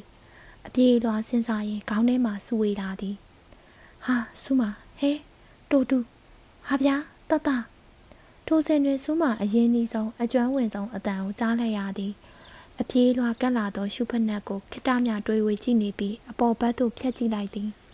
စူဝေနေသောစူးမ၏အုံနောက်တွင်ချက်ချင်းအေးအေးပျော်သွားဟန်တူသည် နေရာမှမလှုပ်နိုင်မဲမရှက်နိုင်မဲကြောင်ကြောင်ကလေးငေးကြည့်နေမိလေသည်ဟာဖေဖေကိုတူးကမူနေရာမှဝန်ကနေထခုံကអော်လိုက်သည်ဒူးနာကိုအခုမှနာမန်းမသိတအီအီအော်နေဟန်ပြုတ်နေသောတာတီးလေးကိုသူ့အနာပြေးကပ်လာသောဖေဖေကိုရုတ်တရက်မမန်းမိသလိုငေးကြောင်ကြောင်လေးပြန်ကြည့်နေလေသည်ဘလို့ဖြစ်တာလဲဘလို့ဖြစ်ပြီးဒီရောက်လာကြတာလဲဘသူနဲ့လာတာလဲဟောဗျာပွန်းလို့ပဲလို့ပေလို့တူးလို့ ဟွန်းပတ်စံတွေရလေကျဲလို့ဘာဖြစ်ကြတာလဲဖေဖေမေကွန်းများစုံလာသည်စူးမာတို့တခုမှမဖြေနိုင်ဖေဖေသည်ပါဇက်ကသာမင်းနေတော်လေစူးမာတို့ဖြေလားမဖြေလားအောင်နားကြားပုံမရတာတီးလေးကိုဆွဲထုတ်ပြီးဟိုကြီးတီကြီးနဲ့စစ်ဆေးနေကြောင်းသာဖြစ်သည်ယခုမှပင်ငံကြီးကြီးဖြစ်လာသောပါဇက်ကိုတာတီးလေးကတတိထားမိပုံရသည်လက်ညှိုးနဲ့စမ်းကြည့်ပြီးတတွေးများကိုထွေးထုတ်သည်ဖေဖေသည်ကုန်းကုန်းကွက်ကွက်ဖြစ်နေသောတာတီးလေးကိုပွေ့ကြည့်ပြီးစူးမာ၏လက်ကိုဆွဲလိုက်သည် လာလာကြစမ်းတော်သေးရဲ့လူစုစုနဲ့ဗာများဖြစ်နေပါလဲလို့ဝင်ကြည့်မိပေလို့တားတို့ပတ်စံတွေပပေတားတို့ပတ်စံတွေတတာတီးလေးကရက်ကန်ရက်ကန်အော်နေစဉ်တွင်ကိုတူးသည်လွယ်အိပ်ပြာလေးကိုကုန်းကောက်ပြီးလက်လန်းမိသမျှငွေများကိုကျုံနေသည်ကိုတူးရီလာတော့လာပါတော့ကိုတူးရီလာစမ်းကွယ်လာစမ်းအခုမှတဲတဲမဲမဲကြီးနဲ့ငွေအကောက်ကောင်းနေသောကိုတူးစူးမသည်လေပြန်ကြည့်ရင်အော်ခေါ်လိုက်သည် ဖေဖေကစူးမတို့အားကားထဲကိုထည့်ပြီးတစ်ခေါက်ပြန်ကကိုတူးအားဆွဲခေါ်ရလေသည်လွယ်အိပ်ပြဲကိုလက်နှစ်ဖက်နဲ့ပိုက်ထားသောကိုတူးသည်ကန့်လန့်ကန့်လန့်နဲ့ပါလာသည်မျက်နာကလေးသည်လည်းစီးရွက်လောက်ပင်ရှိတော်မူထင်သည်ဖေဖေသည်ကားတကားကိုစောင့်ပိတ်လိုက်လေသည်စကားတခုံးမှထပ်မပြောတော့ပဲကားဆက်နှိုးလိုက်သည်တကားလုံးငြိမ်သက်နေသည်ကားဆက်တံမှအပတိတ်ဆိတ်နေသည်ဖေဖေသည်မျက်မှောင်ကုံရင်ကားကိုတတိထားပြီးမောင်းနေလေသည်စကားတခုံးမှမပြော စူးမရင်ထဲတွင်တရိတ်တိတ်ခုန်နေသည်ဖေဖေငြိမ်သက်နေခြင်းသည်စူပူမိလန်းစဖြစ်သည်တာတီးလေးပင်စကားမကြွယ်ရဲရှာပဲညှိနေလေသည်မျက်တောင်လေးပုတ်ခတ်ပုတ်ခတ်နဲ့ကုတ်ချောင်းချောင်းလေးဖြစ်နေသည်ငကိုဝိုင်းသောစူးမ၏မျက်လုံးလေးများသည်လည်းအပြင်ဘက်သို့ပြူးထွက်လာပြီးထင်သည်ကိုတူး၏မျက်နှာလေးသည်ကမတိမတာနီနေသည်ဟောကိုကိုပြန်လာပြီဟမ်သူတို့၃ယောက်ကဘယ်ကပါလာတာလဲဟဲသွေးတွေတတဘလို့ဖြစ်လာကြတာတော့ မမေကပြာရခတ်ပြီးအော်နေချိန်တွင်ဖေဖေသည်အိမ်မော်တက်သို့တမ်းပြီးတက်သွားလေသည်စူးမနဲ့ကိုတူဖျားတားနေမိသည် အကြီးကျယ်တော့အဆူခံရတော့မည်ထင်သည်တည်င်းကျကတော့ကျင်လို့ဈေးသွားဝယ်ကြတာဆိုတာကောင်းတော့ကောင်းပါတယ်ဒါပေမဲ့ဒီလိုမလုပ်သင့်ဘူးဆိုတာသိတဲ့နေအထူးသဖြင့်တာတီးလေးကိုပါခေါ်သွားပြီးလဲကြကွဲကြဆိုတော့သိဆိုးတာပေါ့တကယ်လို့ကားရှိမှမှောက်လဲကြရင်တော့သိမကုန်ပေဘူးလား ဖေဖေမျက်နာသည်နီးနေတော့လေလေတန်းကိုအေးနိုင်သမျှအေးအောင်စူးစမ်းပြီးပြောနေလေသည်တာတီးလေးသည်မမေးပောင်ပေါ်တွင်ထိုင်ရင်ဒူးကိုပွတ်နေသည်သူနှကန်းသည်လည်းယခုမှပင်ရောင်ပြီးဖူးလာလေတော့သည်အပေါ်နှကန်းလေးဖူးဖူးရောင်ရောင်ကထော်ထွက်နေသောတာတီးလေးသည်ခလုံပေါက်စာလေးနဲ့တူပြီးရီစရာကောင်းနေလေသည်သို့တော်လည်းစူးမမရီရဲ့ရီလဲမရီခြင်းသည်အကြံစီလဲအကုန်ပြန်ပတ်စံများလဲတဝက်နီးပါးပြောင်း ထို့ပြင်အဆူလဲခံရသောအခါရီခြင်းစိတ်မရှိတော့ကြကိုတူဖေဖေတန်အားရုတ်တရက်မာလာလေသည်ဖေဖေရှေတွင်စူးမာရောကိုတူပါလက်ကလေးတွေပိုက်ပြီးမတက်ရက်နေကြအားရှာသည်စူးမာတို့ရှေတွင်ဖေဖေသည်ခောက်ထုတ်ခောက်ပြန်လမ်းလျှောက်နေသည်သူ့စိတ်ကိုသူငြိမ်အောင်ထိတ်နေဟန်လည်းရှိသည်အိမ်ထဲတွင်အေးအေးစွာရှိနေလိမ့်မည်ထင်သော သားသမီးသုံးဦးစလုံးကိုမျိုးလေကောင်၌အလဲလဲအကွဲကွဲနှင့်ရုပ်ပြက်စင်ပြက်တွေးလိုက်ရသဖြင့်ဖေဖေသည်အတော်လေးစိတ်လှုပ်ရှားသွားသည်ထင်သည်ဒီကိစ္စမှာမင်းကြီးဆုံးမင်းကောင်းဆောင်ကိုတူးသည်ဘာမှမပြောဘဲမျက်လုံးလေးအောက်ဆိုင်ထားလေသည်စုမာသည်ကိုတူးကိုဆွေ့ကြည့်ရင်စိတ်မကောင်းဖြစ်သွားရှာသည်စင်ဆက်အားဖြင့်ကိုတူးကိုအခါပေးဥပုံညာလုပ်ခဲ့သူမှာစုမာဖြစ်သည်သို့တော့ဘာကိစ္စဖြစ်ဖြစ်အသက်တစ်နှစ်ကြီးသောကိုတူးသည်ထာဝစဉ်ခေါင်းတက်ပြီးအဆူခံရလိရှိသည် မင်းကောင်းထဲမှာညံဆိုတာမှရှိရဲ့လားဘာလှုပ်လိုက်လှုပ်လိုက်တလွဲကြီးပဲဘာဖြစ်လို့မမှန်ကန်ကန်မတွေးတတ်မလှုပ်တတ်ဖြစ်နေရတာလဲစူးမပင်သက်ဆိုင်လိုက်မိသည်အကယ်၍သာစူးမတို့သုံးကိုဖေဖေမျိုးထဲတွင်တွေးသည်ဖြစ်စေအောင်ပစ္စည်းများအောင်ဝယ်ချမ်းပြီးပြုံးပြုံးရွှွှွှနေဆိုရင်ဖေဖေတလောက်စိတ်ဆိုးမြည်မဟုတ်ဟုစူးမထင်သည်အခုတော့အလဲလဲအပြူပြူတွေးလိုက်ရတော့ကြောင့်ပြဿနာကြီးဖြစ်သွားလေသည်စူးမတို့တွင်လည်းပုံမှန်တက်၍မရတော့အပြစ်များတထိုင်နဲ့တိုးသွားလေတော့သည် လူကြီးတွေမသိအောင်ပြင်ကိုထွက်တာတပြေတသားကိုပါခေါ်သွားတာတပြေနောက်ပြီးလဲကြကွဲကြကန်ကောင်းလုံးလို့တွေ့တာနင်မို့တာဆိုရင်ကားတိုက်လို့တိတ်နေကြအောင်တော့ဘသူသားသမီးမှန်းအောင်သိမှာမဟုတ်ဘူးလှုပ်လိုက်ရင်မဟုတ်တာကြီးပဲတလွဲကြီးပဲစူးမနားထောင်ရင်ဝမ်းနေလာသည်ဖေဖေတို့အနေနဲ့မိဘနှစ်ပါးကိုကြောကျင်လွန်သဖြင့်ဒုက္ခခံပြီးသွားကြရတော့စူးမတို့၏စေတနာကိုလုံးဝသဘောမပေါနားလည်ဟန်မရှိကြ ငပိငချင်လိုကြက်သိမ့်နေသောကားပေါ်တွင်အင်းနှံရှင်ရင်ဘသူမှအပြောလိုက်စည်းမည်မဟုတ်ကြောင်းဖေဖေသိစေခြင်းသည်ကားပေါ်မှာလည်းဘသူမှလိမ့်ကြခြင်းလိမ့်မည်မဟုတ်မူးစုပဲစုနဲ့တတိတီစုလာသောစုပူးကလေးထဲမှာပတ်စံကလေးများကိုလည်းမျိုးလေကောင်းတွင်တွားပြီးရွှေမိုးငွေမိုးကျဲပြည့်ခြင်းသည်မဟုတ်မတက်နိုင်လွန်သဖြင့်ဒုက္ခဖြစ်ကြအားရှာသည်ထို့ဖြစ်သွားသောဒုက္ခအပြင်အပိုစုအဖြစ်နဲ့အစုပူခံအားရှာသည်ကြက်ကြက်တတိထားပြီးကောင်းကောင်းနေပါကိုတူဟုတ်လား စုမကြားလားဟုတ်ကဲ့စုမသည်လေတံတိုးတိုးလေးနဲ့ပြောလိုက်သည်ကိုတူးကမူခေါင်းကိုလေးပင်စွာညှိပြလိုက်လေသည်ဖေဖေကသွားခွင့်ပြုလိုက်တော့အခါနှစ်ဦးသားလေးကန်စွာနဲ့ထွက်လာကြသည်စူးမသည်ရေဝဲနေသောမျက်ရည်များပြန်ဝင်သွားစေရန်မျက်တောင်တစ်ဖြက်ဖြက်ခတ်နေမိလေသည်စူးမငုံမိမြေကိုစိုးရိမ်နေသည် ပြန်ကျဲကြံခဲ့သောပတ်စံများကိုလည်းနှမျောသည်မျက်နာမရသည့်အပြင်အဆူပါခံရသည့်အတွက်ပိုပြီးဝမ်းနေသည်တို့ပါတော့လဲငိုမြည်ဆို ဆိုတော့ကြောင့်မနေကြီးတင်းထားမိလေသည်ကတော့ဖို့ဖြစ်စည်းဝယ်တယ်ဆိုတာဟုတ်ချင်မှာဟုတ်မှာတိလားတတ်တက်လွဲပြောတာဖြစ်ခြင်းဖြစ်မှာအလက်နှစ်ကောင်ကခတ်ဆိုးဆိုးရဲ့ဘယ်တော့မှများဒီလောက်လိမ့်မာဘူးလို့လဲအခန်းထဲတွင်ကြံရစ်သောဖေဖေသည်မမေကိုလှမ်းပြောလိုက်သည်နာပါသောဆုမာသည်ကြားပြအောင်ကြားလိုက်မိပြီးရှင်ထဲတွင်နှင်ကနေဖြစ်သွားသည်တဖြက်ဖြက်ခတ်နေသောမျက်တောင်ရှိများသည်ရက်သွားပြီးငေးဆိုင်ဆိုင်နှင့်ကိုတုကိုကြည့်နေမိသည် ထိုစဉ်တွင်မျက်ရည်ပူများသည်ဆုမ၏မျက်လုံးအိမ်ထဲတွင်အိုက်ထုံးပြီးစီးကြလာကြလေသည်ကိုတူးသည်နာကျင်စွာအရိုက်ခံလိုက်ရသူကဲ့သို့ရုတ်တရက်ရိုင်သွားသည်အောက်နှခမ်းကိုဖိလိုက်ရင်ဆုမအားတွေ့ဝေစွာကြည့်နေမိစဉ်သူ့မျက်လုံးများသည်မှိုင်းမုံရီဝေလာတော့သည်ဆုမလေးမငိုနဲ့မငိုပါနဲ့ဟာကိုတူးသည်ဆုမ၏ပခုံးတင်းတင်းလေးဖတ်လိုက်ကညှင်သာစွာပြောလေသည် မဆိုင်ဘဲနဲ့ငိုနေသောဆုမ၏ပါးဖြင့်မှမျက်ရည်များကိုတုပ်ပြီးတော့ကိုတူး၏လက်ချောင်းလေးများသည်အေးဆက်နေလေသည်ဆုမတို့နှစ်ဦးသာထုံးစံအတိုင်းပဲမကြီးပင်ကြီးအောက်သို့ရောက်လာခဲ့ကြသည်မကြီးပင်စီကျန်းရှာရှာကိုကြောမိတိုင်းရင်ငိတ်သက်စွာငေးနေမိသည်တဖြုတ်ဖြုတ်ကျွေနေသောမကြီးပွင့်ဝဝကလေးများသည်လေဝဲလွင်ဝဲနေသည်စူးမသည်တဝဲဝဲလွင့်နေသောပွင့်ဖက်ဝဝကလေးများကိုငေးကြည့်ရင်ဖေဖေအတန်ကိုတက်ခါတလေလေကြားရောင်နေမိလေသည် ဖေဖေတို့မေမေတို့တွေဘယ်တော့မှငါတို့နှစ်ယောက်ကိုအထင်ကြီးလာမလဲအကောင်းထင်လာပါမလဲမသိဘူးနော်အတန်ကြာလာသောအခါမှာကိုတူကတုံရင်သောအတန်နဲ့ပြောလေသည်စုမာသည်ခေါင်းကိုဖြင်းညင်းစွာခိုင်ရမ်းလိုက်မိသည်မသိပါဘူးကိုတူရဲ့အဲ့ဒီနေ့ကြရင်လေကောင်းခင်မှာနေနှစ်စင်းထွက်လိမ့်မယ်သိလားနေနှစ်စင်းလဲဘယ်တော့မှထွက်မှာမဟုတ်ပါဘူးကိုတူရဲ့မမေတို့ကလည်းစုမာတို့ဘယ်တော့မှအကောင်းထင်မှာမဟုတ်ပါဘူး ကိုတူးသည်တပ်ပြင်းကိုဟင်းကနေချလိုက်ကမျက်လုံးများကိုဇုံမိတ်ထားလေသည်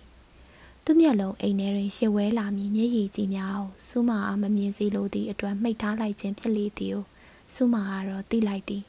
စူးမသည်မကြီးကောက်ညိုမဲမဲများကိုလက်နှင့်ဆန်းနေရင်ကောင်းကင်ပြင်ကိုမောကြည့်နေမိသည်အနောက်တောင်ဘက်တွင်မိုးသားရိပ်ရိပ်တက်လာလေသည်မဲမောင်သောမိုးတိမ်မိုးမြူပပလေးများသည်လေးနေရာဘက်သို့အပြေးလေးရွေရှားနေကြလေသည် တိမ်တောင်တိမ်လိမ့်များမဲမဲကြီးများသည်လည်းအောက်ဖက်သို့တအီးအီးနဲ့ပြုတ်ဆင်းလာနေဟန်ရှိသည်ကိုတူရေမိုးရမလားမသိဘူးอืมရွာမယ်တင်တယ်ဒါပေမဲ့အိမ်ထဲကိုတော့ပြန်မဝင်ချင်သေးဘူးမိုးရွာထဲမှာနေမလို့လားအဆုခံရအောင်မှာပေါ့မကြီးပင်ကြီးပေါ်မှာအင်္ဂလိပ်စောက်ပြီးစိမ့်မယ်ငါအဲ့ဒီမှာပဲနေမယ်ဘယ်တော့မှစောက်မှာလဲစောက်မယ်ဟာဟိုကွာကြားကြီးမှာပြင်ပြားကိုရှက်ထိုးလိုက်ရင်အတော်ပဲ စိမ့်ညွညွမကြီးရွက်ကလေးများသည်လေထဲတွင်တစ်ဖြက်ဖြက်ရိမ့်ခါနေလေသည်အစုံစမရှိအောင်အထက်ဘက်သို့လွင်ပါထိုးထွက်သွားရန်ရှိသောမကြီးပင်မြင့်မြင့်ကြီးများသည်စုမတို့အားငုံကြည့်နေရန်ရှိသည်ငါဟိုတနေ့ဟာတစ်ပင်တက်ကြီးအားဘယ်တိရောက်တယ်ထင်တယ်လေဘယ်တိစုမမျက်စာလေးချီကမေးလိုက်သည်မိုင်းညိုနေသောကိုတူးဤမျက်လုံးလေးများသည်ရုတ်တရက်အယောင်တောက်လာလေသည်ဟိုခွာကြားကြီးအထီဟဲအမြင့်ကြီး အေးပေါ်အမြင့်ကြီးနေနေကင်းမမကြီးနဲ့စကားပြောနေအောင်ငါတယောက်တည်းတက်လာတာကိုတူးမကြောက်လားနည်းနည်းတော့ကြောက်တယ်ဒါပေမဲ့အပေါ်ကနေအောက်ကိုကြည့်ရတာတိတ်ကောင်းတာပဲလေရလေတိတ်တိုက်တယ်တိတ်ရွက်တရားလေတရှဲရှဲနေမေမေသိရင်စူမမေမေမစူတာဘာရှိလို့လဲကိုတူးသည်ပခုံးကိုတွတ်လိုက်ရင်ပြောသည်ကိုတူးစပင်းများအနှဲငယ်ပြန်ရှိလာပြီးဖြစ်၍ကြည်ရသည်မှာအတော်လေးဆင်ပြေလာသည်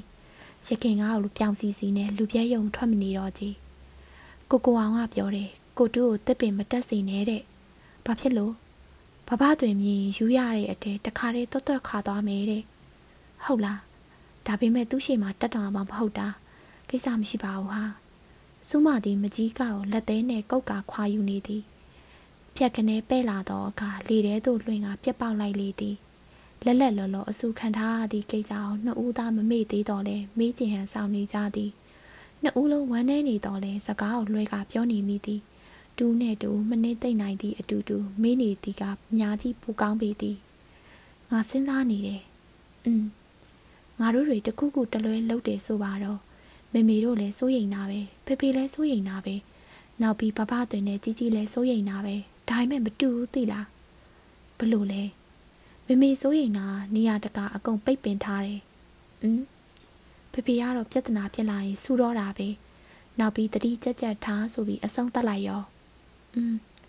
ကြီးကြီးဟာကြတော့တခါမှလည်းမပိတ်ပင်စူလည်းမစူချော့ပြီးပြောတယ်ပြီးလဲပြီးရောသူစကားကနားထဲမှာဆွဲကြံရည်ရောอืมကို ကိုတူးသည်အိမ်ဘက်သို့ငေးမြော်ကြည့်နေလေသည်ထမင်းစားခန်းထဲမှာဖေဖေနဲ့မေမေတို့၏တဒံများအောင်မြင်နေရသည်သူတို့နှစ်ဦးသည်ကော်ဖီအတူတောက်ကြရင်အလန်းနှစ်ကောင်အကြောင်းဆွေးနွေးနေကြသည်ထင်သည် ကိုဟာကိုဈေးသို့သွားခြင်းကိုပင်မိဘများအတွက်ပစ္စည်းဝယ်ရန်ဟုလိမ့်လေသည်ဟုထပ်ပြီးပြောနေကြလေရောလားဟုတွေးမိသောအခါကိုတူး၏မျက်လုံးများသည်ညှိုးငယ်ပြီးမှိုင်းမိန်လာတော့သည်ရှင်ထဲတွင်လည်းနှင့်ပြီးနာနာချင်းချင်းကြီးဖြစ်နေ၍အသက်ကိုတဝါကြီးရှိုက်ကရှူလိုက်မိလေသည်စိတ်ထဲမှာတမျိုးကြီးပဲဟာကိုတူးသည်သူ့ခြေထောက်နားကျလာသောမကြီးပွင့်ဖြူဝါဝါလေးများကိုခြေထောက်နှင့်နင်းချလိုက်သည် ထို့နောက်တစုံတစ်ခုကိုတတိယသလိုမကြီးပင်စီရင်းတွင် အတွင်းသို့လှိုက်နေသောအခေါင်းလေးထဲသို့လက်နိုင်လိုက်သည်ထိုတစ်ခေါင်းလေးထဲတွင်စူးမာတို့ငငယ်အားလက်ရှို့ပြီးပကံကွဲများထဲကယတနာတိုက်လှုပ်လေးရှိသည်ကြီးလာသောအခါတွင်ကရှင်းတစ်ခေါင်းကလေးကိုတိတ်ပြီးအသုံးပြုကြတော့ပြီစူးမာနင်ပြန်တော့လေဘာဖြစ်လို့ပြန်တော့လို့ဆိုအိုးဘာဖြစ်လို့ငါဆေးလိတ်တောင်းမလို့ဟမ်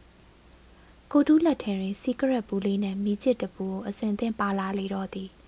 စီကရက်တလိပ်ကိုဆွဲထုတ်ပြီးဟန်ပါပါနဲ့ခဲလိုက်သည်ထို့နောက်မီးချစ်ကိုရှဲကနေချစ်လိုက်လေသည်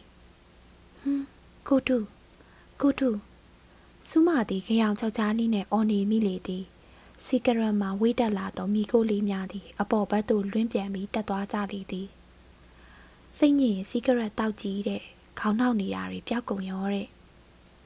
မဲဘသူကပြောလဲတိမ့်ထိုက်ဟမ်ကိုတူးတီစီကရက်ကိုဟန်ပါပါဖွာရှိုက်လိုက်ပြီးရုတ်တရက်မှွန်သွားသည်တဟွတ်ဟွတ်နဲ့ချောင်းဆိုးနေလေသည်တိုင်ပြောမယ်အကုန်တိုင်ပြောမယ်မမီနဲ့ရောဖေဖေနဲ့ရောမမကြီးနဲ့ရောជីជីနဲ့ရောဘဘသွင်းနဲ့ရောကိုကိုအောင်နဲ့ရောစုမသည်ရုတ်တရက်ခုန်ထားလိုက်ပြီးဒေါသတကြီးနဲ့အော်လိုက်သည်လက်ကိုဝှေ့ရမ်းပြီးကိုတူးနာကိုကတ်သွားသည် တိမ့်ထိုက်၏အရေးအရာများသည်ကိုတူး၏နှလုံးသားဖြူဖြူလေးတဲ့တွင်ထင်ဟပ်နေလေပြီလားဟုစိုးရိမ်စိတ်နဲ့တုန်လှုပ်နေသည်ငါစိတ်ညစ်လို့ပါစုမာယာစိတ်ညစ်တာများပြောင်းမလားလို့ကဲကဲမတော့တော့မတိုင်နဲ့ကိုတူးသည်ချောင်းတဟွတ်ဟွတ်ဆိုရင်လက်တံမှစီကရက်ကိုလှုပ်ပစ်လိုက်သည်စုမာသည်မြေပေါ်သို့ပုတ်ခနဲကျသွားသောစီကရက်ကိုငေးကြည့်ရင်ငိုကျင်နေလေသည်စုမအနေနဲ့ကိုတူးကိုဘယ်နှခါများတားနိုင်လိမ့်မည်နီ စီကရက်တောင်းရင်စိတ်ညစ်တာပျောက်တဲ့လားဒါအောင်မင်းအောင်တလားကိုတူးဟမ်ကိုကိုအောင်သည်မီးမသေးသေးသောစီကရက်တို့ခြေနဲ့နင်းချရင်မေးသည်မျက်နာပြုံးနေတော့လေကိုကိုအောင်၏မျက်လုံးများသည်ကိုတူးကိုတဲ့တဲ့စူးစိုက်ကြည့်နေလေသည်ကိုတူးကဘာမှပြန်မပြောတော့အခါလက်သေးရှိစီကရက်ပူဖြတ်ကနေဆွဲယူလိုက်သည်ဆယ်လိမ့်ဝင်ပူးလေးတဲ့တွင်စီကရက်သုံးလိပ်သာကျန်တော့သည်စုမရောအိမ်ထဲမှာဒါတီးလေးနဲ့တူတူပုံနဲ့ကစားနေကြတယ်ထင်တယ်အ ပြင်ဘက်မှာမကစားဘူးလားအဆမ်းမဲဒါတီးလေးအဖျားနည်းနည်းရှိလို့တဲ့မမေကချက်နဲ့မစင်ရအောင်အိမ်ပေါ်မှာပဲကစားရမယ်တဲ့อืมဒီတော့ကိုတူကလွတ်လပ်ရေးရပြီးဒီမှာစီကရက်လာခဲနေတာပေါ့လားကိုကိုအောင်သည်စီကရက်ပူလေးကိုသူ့အိတ်ထဲသို့ထိုးထည့်လိုက်ရင်ကိုတူးနဲ့မျက်နှာချင်းဆိုင်ထိုင်ချလိုက်လေသည်စူးမအလစ်တွင်ထွက်လာသောကိုတူးသည်စူးမတဲ့ကြောက်စရာကောင်းသောကိုကိုအောင်နဲ့တမ်းပြီးတိုးနေသဖြင့်အတော်ပင်စိတ်ညစ်သွားလေသည်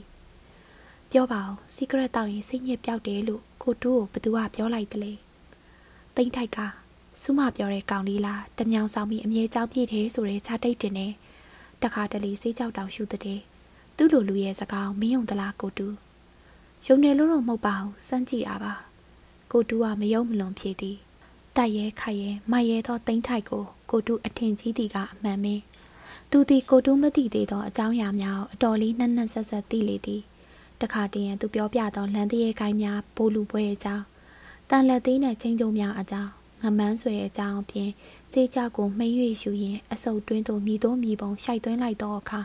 နှစ်သမီးလေးတစ်ဖက်900ခြံရံသောတကြားမင်းစီးစိမ်ကိုရင်မှုစွာခံစားရအကြောင်းများကိုနားထောင်ရသောအခါကိုတူးသည်တခြားကဘာသို့ရောက်သွားသူလိုခံစားရလေသည်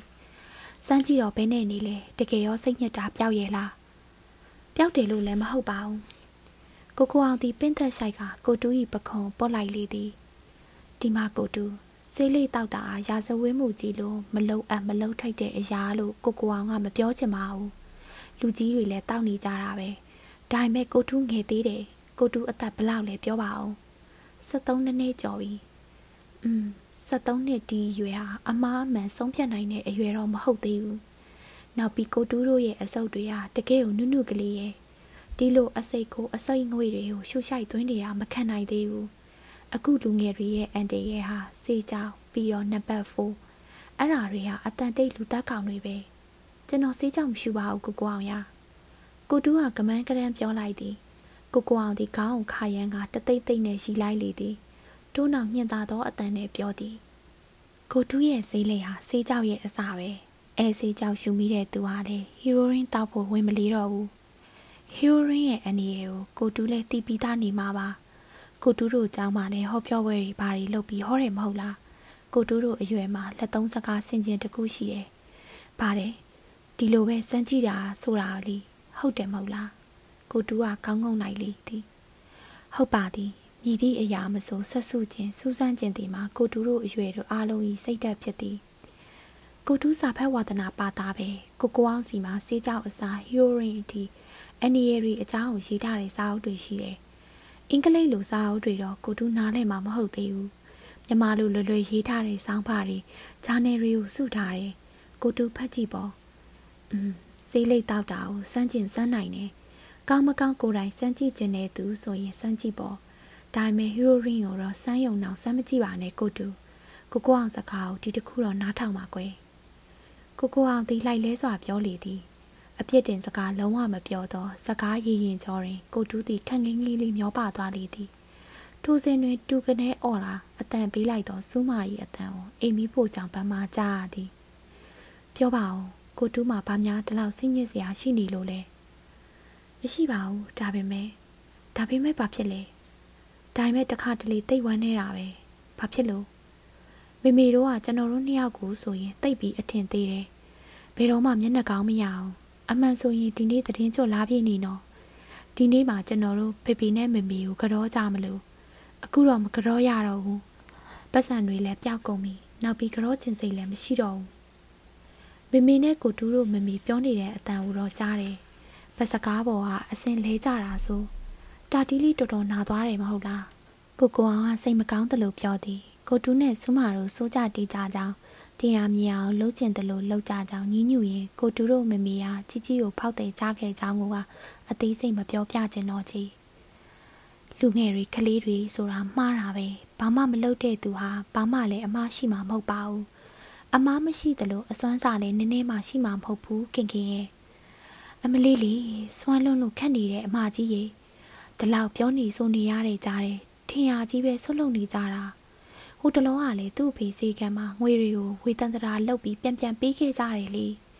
အိမ်မှာနေရင်လည်းစာချက်ပို့စိတ်ကူးတာမဟုတ်ဘူး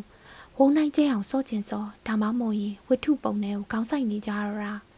အခုခေတ်ဝတ္ထုတွေစာအုပ်တွေဟာအားလုံးကောင်းတာမဟုတ်ဘူးအဲ့ဓာတွေဖတ်ပြီးစိတ်ကလေးသေးတယ်စာဖတ်တဲ့အချင်းဟာကောင်းပါတယ်ခင်ခင်ရဲ့သူတို့ဖတ်ဖို့စာအုပ်တွေကိုသာရွှေ့ပြီးတန့်ပေးပါလား မအားပါဘူးမာကြီးရဲ့အိမ်တာဝန်တွေကတပံမိတ်ဆွေဝတ္တရားတွေမပြတ်အောင်သွားရလာရတာတွေကလည်းရှိသေးတယ်သူတို့ဖတ်ဖို့ဝတ္ထုတအုပ်ချင်းရွေးပေးနေရရင်ခက်ရကြီးရဲ့ကိုကိုအောင်ဤနားတဲ့တွင်မိမသားနှစ်ဦးအပြန်အလှန်ပြောကြသောစကားကိုကြားရောက်လာရင်တပ်ပြင်းရှိုက်လိုက်မိသည်ကိုတူးလေးတယောက်ချောင်းနှကန်းဖေးတွင်လမ်းလျှောက်ရန်တိုးသွားနေခြင်းကိုလူကြီးများဒီအော်ဟစ်စုပူနေကြတော့လေတစုံတူကမှမိမိရရလက်ဆွဲခေါ်ခြင်းမရှိကြ သူတို့၏အော်ဟစ်တန်စုပူသံများသည်ကိုတူကိုကြောက်ကဘာစီသို့တွန်းပို့နေကြကြောင်းသိကြပုံမရတတိထားပြီးကြပုံနဲ့မရကြည်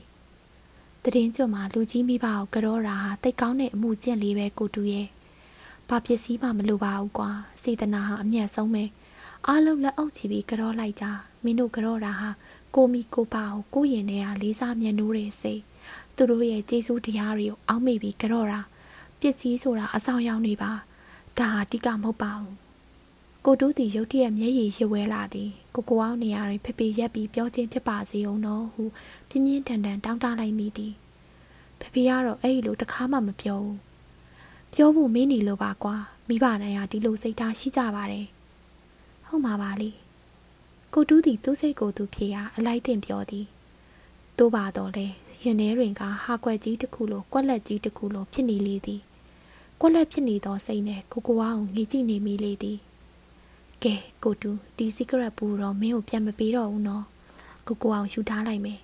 ကိုကိုအောင်စီဟာစောင်းပါးရီဂျာနယ်တွေကိုအရင်ဖတ်ကြည့်အောင်ပေါ့ဟုတ်လားဆေးလိတ်တောက်တာမကောင်းဘူးဆိုတာသိပါတယ်ကိုကိုအောင်ရဲ့မကောင်းတာကိုမကောင်းမှန်းသိရင်အဲ့ဒီလူဟာမစိုးဘူးလို့ပြောရမယ်အမားလုံးဝမမားဘူးတဲ့သူဟာလူကောင်းတရားလို့သတ်မှတ်နိုင်တယ်အေးမှားဘူးတယ်ဒီမားကိုသိတယ် အမှန်ရအောင်လည်းပြင်နိုင်မယ်ဆိုရင်သူဟာလူတော်တစ်ယောက်ပဲကိုကိုအောင်အမှတ်မဲ့ကြည့်ရင်အေးဆေးပျော်ပါစွာနဲ့ရှိလေသူတရားလို့ပင်ထင်ခဲ့ရသည်လေးလေးနက်နက်ပြောတတ်ဆိုတတ်သွန်သင်တတ်သည်ဟုမထင်ရကြည်ကြီးကြီးသားပေမို့ကြီးကြီးစကားရိပ်များလွှမ်းနေသည်မှာအံ့ဩစရာတော့မလိုပေဆေးလေးတောက်တာရာဇဝတ်မှုပြစ်မှုကြီးမဟုတ်ပါဘူးကိုတူးအသက်20ကျော်လို့တောက်ချင်တဲ့စိတ်ရှိရင်တော့တောက်ပေါ့ အဲ့ဒီအချိန်မှာကိုတူးဟာအမားအမှန်ခွဲခြားနိုင်တဲ့လူကြီးတစ်ယောက်ဖြစ်နေပြီအခုတော့ကိုတူးငယ်သေးတယ်ကဲလာထကိုကိုအောင်စီယာစာအုပ်တီကိုလာယူလဲနော်ကိုတူးကိုလက်ကမ်းပေးပြီးဆွဲထူလိုက်သည်ကိုတူးသည်ကိုကိုအောင်၏ပူနွေးသောလက်ပွားပြင်ကျဲကြီးကိုစုပ်ကိုင်ရင်လက်ထဲစိတ်ထဲတွင်ပျော်ပြောင်းလာသည်မမကြီးကိုကိုကိုအောင်နှင့်သဘောတူသောစိတ်သည်လည်းပေါ်လာသည်ထို့ကြောင့်လည်းရုတ်တရက်မေးလိုက်မိလေသည်ကိုကိုအောင်ပန်းမပြီးတော့ဘူးလားဘာပန်းလဲ စပယ်ပန်းလီမမကြီးကတိတ်ကြိုက်တာဟာအဲ့ပန်းတွေဟာခုတလောက်မပွင့်ဘူးတစ်ချိန်လုံးတည်ငြိမ်နေသောကိုကိုအောင်မျက်နှာသည်ရုပ်ကနေနီရဲပြောင်းလဲသွားသည်ထိုစဉ်တွင်အိမ်နောက်ဖေးပေါက်မှရောင်ချာချာထွက်လာသောစူးမာကိုတွေ့ရလေသည်တူတူပုံးရသည်ဟာပြင်းလာသည်ဖြင့်ထွက်လာခြင်းဖြင့်ဟန်တူသည်ဟူငေးဒီငေးနှင့်ရှောက်လာရင်ကိုဖိုးထွေးတစ်ပင်ဆိုင်ရာနေရာသို့ပြေးသွားသည်ကိုဖိုးထွေးသည်အိမ်နေရင်အားမနေပဲတစ်ပင်များပန်းပင်များကိုအပတ်တကုတ်စိုက်နေတတ်သည် သို့ပါတော့လေလက်စိတ်မရှိသူမို့လားတော့မသိသူ့ပင်များသည်တိတ်ပြီးဖြစ်ထွန်းလေတော့မရှိကြစူးမလေးကတော့ကြည်လိုက်ရင်ပျော်နေရပဲနော်။ "तू ကအမှတ်မရှိဘူး။ကိုတူးကမကြည်မနှက်နဲ့ပြောလေသည်။ငိုခြင်းရင်ချက်ခြင်းရီခြင်းရင်လည်းချက်ခြင်းဘလောက်စိတ်ကောက်နေနေကိတ်မုတ်တစ်ချက်လောက်ရရင်ကြီးနှက်သွားတာပဲအလကအီးဘောလော့ကလေးကိုတူးသည်ကိုကိုအောင်နဲ့အတူကင်းပုံနှွယ်စီယိုကိုဖြတ်ကျော်ပြီးတစ်ဖက်ခြံသို့ကူးသွားလေသည် ဖျားကန်ထဲတွင်ဖျားရှိကိုနေသောဘဘတွင်၏အတန်အောင်ကြားရသည်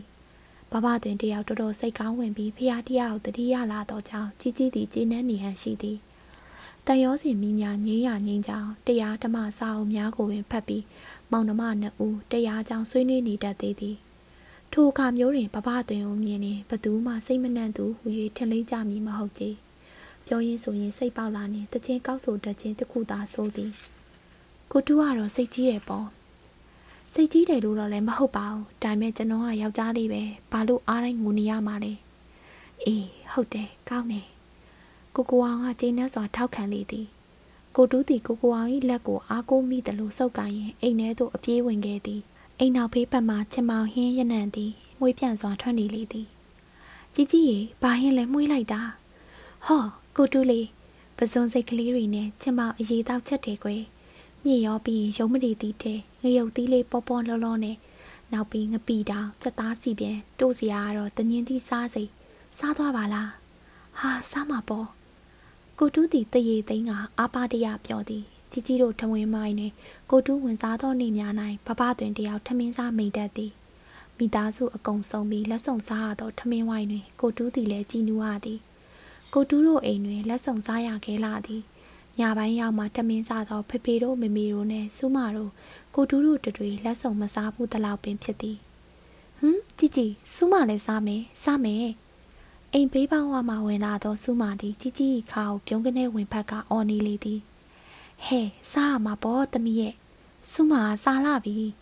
စားရမယ်စားရမယ်ကျမအိုးကြရင်စားတော့နော်သုံးပကံစားမယ်လေစုမာသည်လက်ချောင်းလေးသုံးချောင်းတောင်ကပြုံးဆက်ဆက်နဲ့ပြောလေသည် စုမာသည်အစားမှတ်လာတော့လဲမဝပဲတွဲတွဲကလေးဖြစ်သည်စင်စစ်စုမာသည်ထမင်းတက်တရေစာများကိုအစားများသူဖြစ်သည်စူးမအနေနဲ့ထမင်းသုံးပကံပြစ်ပြစ်ကိုကုံမီမဟုတ်ကြောင်းကိုတူးသိလေသည်စူးမနေလောဘမကြီးနဲ့ကုံမလည်းမဟုတ်ပဲနဲ့ဆန်ရှားတယ်ဟာဟွန်းကိုတူးကလည်းကုံမာတယ်ကုံမာဦးကုံမာတယ်ဆိုမှကဲလောင်းမလားအေးနေမကုံရင်နင်းစီကအယုတ်ကားချက်ဆက်ကစားတဲ့ဟာလေးပေးရမယ်ကုံရင်ရောငါးစီကတရေကွင်းတရာပေးမယ် စိတ်လိုက်ပေါ့စူးမသည်မျက်လုံးလေးတစ်ဖက်မိတ်ကခေါင်းလေးငဲ့ရင်ပြောသည်ကြီးကြီးနဲ့ကိုကိုအောင်တို့သည်အလောင်းစားလုံးနေကြသောမောင်နှမနှစ်ဦးကိုပြုံးရည်ရင်ကြည့်နေသည်ထို့နောက်ကိုကိုအောင်ကဒိုင်လူကြီးလှုပ်ပေးလေသည်စူးမောင်လည်းစူးမလည်းမနိုင်ရင်ညှစ်ပြီးမစားရဘူးကိုတူးလည်းထမင်းကိုများကြီးထည့်မပေးရဘူးစားနိုင်တဲ့လောက်ပဲစားရမယ်တင်းတဲ့လောက်ပဲထည့်ရမယ်မငြင်းရဘူးဟုတ်လားပြီးရင်ရှုံးတဲ့သူဟာသူကတိတိုင်းနိုင်တဲ့သူကိုပေးရမယ် စူးမမနဲ့မျောပါဘူးကိုတူရရှုံးရင်တကယ်ပေးမှာပါဟာဟာစားလိုက်တာကတော့အယံစူးမသည်ဘိုက်ကလေးပွင့်ရင်မခံကြီးမခံသာလှမ်းပြောလိုက်သည်စူးမမနဲ့မျောပါဘူးဆိုကွာဟာဟာပေးလေကိုတူးတကယ်တောင်းတော့အခါစူးမမျက်နှာလေးမဲသွားလေသည်စက်ကူဘူးလေးကိုလက်ထဲတွင်တင်းတင်းဆုပ်ထားရင်မဲတဲ့တဲ့မျက်နှာလေးနဲ့ကိုတူးကိုရှိပြသည်။อืมကိုတူးကတကယ်ယူမလားမဟုတ်ဘဲနဲ့ အမေတကယ်ယူမှာပေါ့ငါနိုင်တာပဲနေရပဲရှုံးရင်တကယ်ပေးမှာပါဆိုစူးမစီမှာထားလေအတူတူပဲပေါ့နော်ကိုတူရနေမညစ်နဲ့နော်ဂတိဆိုတာတီးရတယ်ကဲရော့ယူယူပေါ့စူးမသည်မခံချင်းဖြစ်လာ၍စိုးစိုးဆက်ဆက်လေးလှမ်းပေးလိုက်သည်ကားချက်ဆက်ကစားသောရုပ်ကားကိုကိုတူးလိုချင်နေသည်မှကြားလာပြီပန်းကင်းထဲတွင်ပြေးလွှားစော်ကစားနေသောကလေးပုံရိပ်လေးများဖြစ်သည် အဖြူအနီအဝါရောင်စုံပွင့်နေသောပန်းကင်းထဲတွင်ခွေးဖြူဖြူလေးနှင့်အတူစော်ကစားနေပုံနှင့်ချစ်ဖွယ်ကောင်းလာသည်တစ်သားတုံးလေးများတစ်ခုနဲ့တစ်ခုအံဝင်အောင်ဆက်ထားပြီးရုပ်လုံးလေးပေါ်လာသောအခါကိုတူးသည်ကြီးမဝအောင်ရှိတတ်လေသည်ကိုတူးနှစ်သက်မှန်သည်၍စူးမကလည်းသူ့ပစ္စည်းလေးကိုဈေးကင်လာသည်အခုမှကိုပိုက်ကိုယုံကြည်ပြီးလောင်းစားမိခြင်းဖြစ်သည်ယုံကြည်မိသောပိုက်ကထမင်းသုံးပကံမဝင်သောအခါစူးမအတော်လေးငိုကျင်သွားလေသည် ဒီငါထမင်းပကံကကြီးရအောင်စူးမပကံနဲ့ဆိုရင်စူးမကုံပါတယ်တကယ်ကိုကုံပါတယ်စူးမသည်ထမင်းနှစ်ပကံစားပြီးနောက်ထပ်တစ်ပကံမစားနိုင်တော့သောအခါနှကန်းလေးတဆူဆူနဲ့အော်တော့သည်တရီခွင်းတရားရမလားလို့လောင်းမိပါသည်အယုတ်ကားဆက်ကလေးစုံတော်မီကိုတီးတော့အခါနှမျောသောစိတ်နဲ့ဖြစ်ညစ်ပြီးစားရင်စူးစမ်းမိပါသေးသည်တိုင်လူကြီးလှုပ်တော့ကိုကွာဆက်လက်စားခွင့်မပေးတော့ပဲကိုတူကိုအနိုင်ပေးလိုက်တော့အခါစူးမရှုံးခဲ့ရလေသည် တောင်တီးလေးကြီးကြည့်ကွာကိုကိုတူဆက်ပြမယ်အယုတ်ကားလှလှလေးပေါ်လာမှသိလားအယုတ်ကားပိုင်းစလေးများအားလုံးတာတီးလေးပေးရှိအိယာခင်းဖြစ်ဖြစ်ပေါ်တွင်တွန်းချလိုက်သည်အနှွေးညီတူတူဝတ်ထားသောတာတီလေးသည်ခေါင်းလေးများအောင်မိရာခက်မမတ်လေးလှဲနေသည်အဖျားသွေးရရှိနေတော့လေကလေးမှုအိယာထဲတွင်ငိမ့်ငိမ့်မနေခြင်းပြီးမမေကချော့မော်ပြီးအိယာထဲမှာတိတ်ထားခဲ့လေသည် ထို့နောက်ကိုတူရောဆုမှာပါတာတီလေးနဲ့အတူနေရဲ့အခန်းထဲသို့သွင်းသွားခဲ့သည်ကိုတူတို့ခြံထဲဆင်းနေတာတီလေးကဆင်းကျင်တော်မူမောအခန်းထဲမှာပိတ်သွားခြင်းဖြစ်သည်ဟောဒါမျက်ပင်လေးကွဟောဒီဘေးနားမှာပန်းပင်လေးသူ့ပေါ်ကပန်းပွင့်ဝဝလေးနော်ဒီလိပ်ပြလေးကဘယ်နားမှာဝဲနေလဲမသိဘူးနေအောင်အမဝင်သေးဘူးကွဟောပန်းပွင့်ဝဝလေးပေးမှာပန်းပွင့်နီးနီးလေးဒီခွေးချစ်တော်လေးကပန်းပင်လေးနားမှာ ဒါကောင်မလေးရဲ့ခေါင်းဝင်ပြပြလေးအေးလိပ်ပြလေးကတော့ဒီနားမှာဝေးနေတယ်တင်နေခွေးမိလေးရောရှာပါအောင်กว่าညီလေးရဟောဒါကအမီးစုပ်ဖွားလေးကိုတူးတီထင်းရှူသားတုံးလေးများကိုအံဝင်အောင်ဆက်နေလေသည်ပါဇက်ကလည်းပြောလက်ကလည်းဆက်နေအယုတ်ကားလေးသည်တဖြည်းဖြည်းရုံလုံးပေါ်လာသည်တာတီးလေးသည်စိတ်ဝင်စားစွာကြည့်ရင်သဘောကျနေသည်တာတားလေးဆက်မယ်နေပါအောင်ကွာကိုကိုတူအရင်ဆက်ပြမယ်လေ ပြီးတော့မှညီလေးရဆက်ပေါ့ဟုတ်လားဟောပြီးတော့မယ်ကြည်ကဲဒီမှာပန်းချင်းတောင်းလေးဟာကုံပြီလားကောင်မလေးမျက်နှာတချမ်းပဲ့နေတယ်တာတီးလေးမင်းဆောင်အောင်မလားခွကောင်မလေးခေါင်းတချမ်းလိုနေသည်တခြားတက်သားတုံးလေးများသည်အကုန်အံဝင်ပြီးရုံလုံးလေးပေါ်နေတော့လေခေါင်းတချမ်းပဲ့နေသောမိန်းကလေးသည်ကအယုတ်ဆိုးလာလေသည်တခုလိုသေးတယ်ကွမှန်စမ်းဒီခေါင်းအောက်ဝင်သွားလားစူးမကြီးကတင်အောက်ကျသွားလားမသိဘူးကြည့်ပါဦး ကိုတူးတီခေါင်းနဲ့ဆောင်မြောင်လှန်လောရှာပွေးနေစူးမအားလှမ်းပြောသည်စူးမသည်ကတင်အောက်ကိုဖင်ထောင်ကြည့်ရင်တယောက်တည်းပြုံးနေမိလေသည်ခေါင်းအောက်တွင်ရှာလင်နဲ့အပိုပေတီကတင်အောက်တွင်လည်းမရှိဆောင်မြောင်တထေချင်းခါပြီးကြည့်ရင်လည်းတွေးမိမဟုတ်တစ်သားလုံးလေးတတုံစူးမကိုယ်တိုင်ဘီရိုအန်ဆွဲတဲ့ထက်ကဖွက်ထားခဲ့ခြင်းဖြစ်သည်မရှိပါဘူးကိုတူရဘယ်ရောက်သွားလဲမသိဘူးအရင်တုန်းကမလို့ဘူးမဟုတ်လား အရင်တုန်းကတော့မလို့ဘူးထင်တာပဲစူးမလည်းသတိမထားမိပါဘူးအခုမှချက်ချင်းဘယ်ပြောက်သွားတာလဲမသိစူးမပခုံးလေးတွန်းကပြောလိုက်သည်စူးမတမင်တက်တက်ညစ်ပြီးဖွက်ထားလိမ့်မည်ကိုဟာကိုတူးသည်တွေးမိပုံမရတကုံးကုန်းတကွားကွားနဲ့ရှာဖွေနေသောကိုတူးအားကြည့်ရင်စူးမသည်ကြိတ်ပြီးပြုံးနေမိသည်တာတီးလေးသည်အငြိမ်မနေနိုင်ခေါင်းမလိုက်ဆောင်းမလိုက်နဲ့အလုရှုပ်သွားသည်ညီများရှာရှာတွေးလိုက်မည်မဟုတ်သဖြင့်စူးမရှိခြင်းနေသည် သူ့ပစ္စည်းလေးကိုနှမျောလာတော့ကြောင်းကိုတူးကိုလုံးဝမပေးခြင်းကတိတိုင်းပေးရစေအောင်တော့ရှော့ရှော့ရှူရှူမဟုတ်ပဲနှောက်လိုက်ခြင်းတည်သည်ထို့ကြောင့်ထင်းရှူသားတုံးကလေးတစ်ခုကိုဥကောင်နှိုက်ယူပြီးဖွက်ထားလိုက်ခြင်းဖြစ်သည်ကံအားလျော်စွာမျက်နှာအဆက်ပိုင်းနေရာဖြစ်နေသဖြင့်ကိုတူးကမြစိတ်ညစ်ပေါက်တိုးရတော့သည်တခြားနေရာများလက်နေလင်တော်သေးသည်တူးရဲပါသောမိန်းကလေးကခေါင်းတစ်ချမ်းပဲ့နေသောအခါအယုတ်ကားသည်လုံးဝမပြေဆုံးတော့ပြီလုံးဝကြည့်မကောင်းတော့ပြီ ဟဲမျက်နှာမှာမှကွက်လက်ဖြစ်နေတယ်တခြားနေရာဆိုရင်တော်သေးတယ်ကိုတူးသည်စိတ်မကောင်းသလိုပြောသည်စူးမာသည်စာကြီးစပွဲမှအန်ဆွဲတဲ့တွင်ရှာကျင်အောင်ဆောင်နေသည်ကိုတူးကကြောပေးထားသောကြောင့်စူးမာလွတ်လွတ်လပ်လပ်ပြုံးနေရသည်အန်ဆွဲထဲမှာကာတွန်းစာအုပ်များကော်လီလုံးများနှင့်တည်ရီခွင်းတို့အကြားထဲတွင်မရှိမှန်းသိသောတီရှူသားတုံးလေးကိုမှွေနှောက်ရှာဖွေနေလေသည်တိုတိုသူရဲ့ပေးလေတရကစားအောင်မယ် တတင်းလေးသည်ခေါင်းကိုရိုင်းနှင်းနဲ့လေးမိရင်ကစားကျင်စိတ်ကရှိသေးသည်အဖျားသွေးကြောင့်မျက်နှာလေးနီကမျက်လုံးများရှိဝေးနေတော့လေအိယာထဲတွင်ငြိမ်သက်စွာအိမ်မနေခြင်းပေငုတ်တုတ်ကလေးထားထိုင်ပြီးရုပ်ကားများကိုလှမ်းဆွဲနေလေသည်အေးကွာကွက်လက်ဖြစ်နေတာတော့မကောင်းပါဘူးမကျေနပ်ပါဘူးကိုတူးတီကားချက်ကိုတာတီးလေးဘက်သို့တွန်းပို့လိုက်ရင်မကြေမနက်ရေရွတ်နေသည်စူးမသည်အန်ဆွဲတဲ့တွင်ဟန်ဆောင်ပန်းဆောင်ရှာဖွေရင်းနဲ့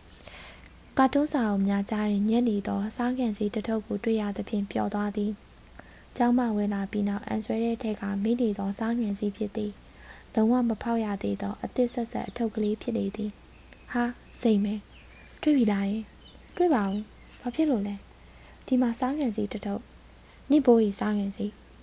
စားငံစီကိုစုမလိုတန်းတန်းဆွဲမကြိုက်တော့ကိုတူဟာမျက်နှာလေးရှုံသွားသည်။ စုမာကမူစားငံစေးတုပ်လေးကိုပါဇက်နဲ့ကိုက်ဖွင့်လိုက်ပြီးကိုတူကိုမျက်စိမှိတ်ပြလိုက်သည်။ထို့နောက်စားစိတ်တစ်စီကိုပါဇက်ထဲကိုပစ်သွင်းလိုက်သည်။ထညက်နံမွေးနေသောစီးမုတ်များကိုချိုချင်းလိုစုပ်ယူရင်းကလတ်ထိုင်တွင်အကြအနာထိုင်လိုက်သည်။တမင်ဝတ်ထားသောပစ္စည်းကိုဆက်လက်ရှာဖွေရန်စိတ်မပါတော့ပြီ။မျက်နှာမှာမှကွက်လက်ဖြစ်နေတာမကောင်းပါဘူး။အင်းတော့ဘယ်ကောင်းမလဲ။ကိုတူးမလို့ကျင်တော့ရင်စုမအောင်ပြန်ပေးလေ။တဲတိတက်တဲ့ခွေးစုမှာ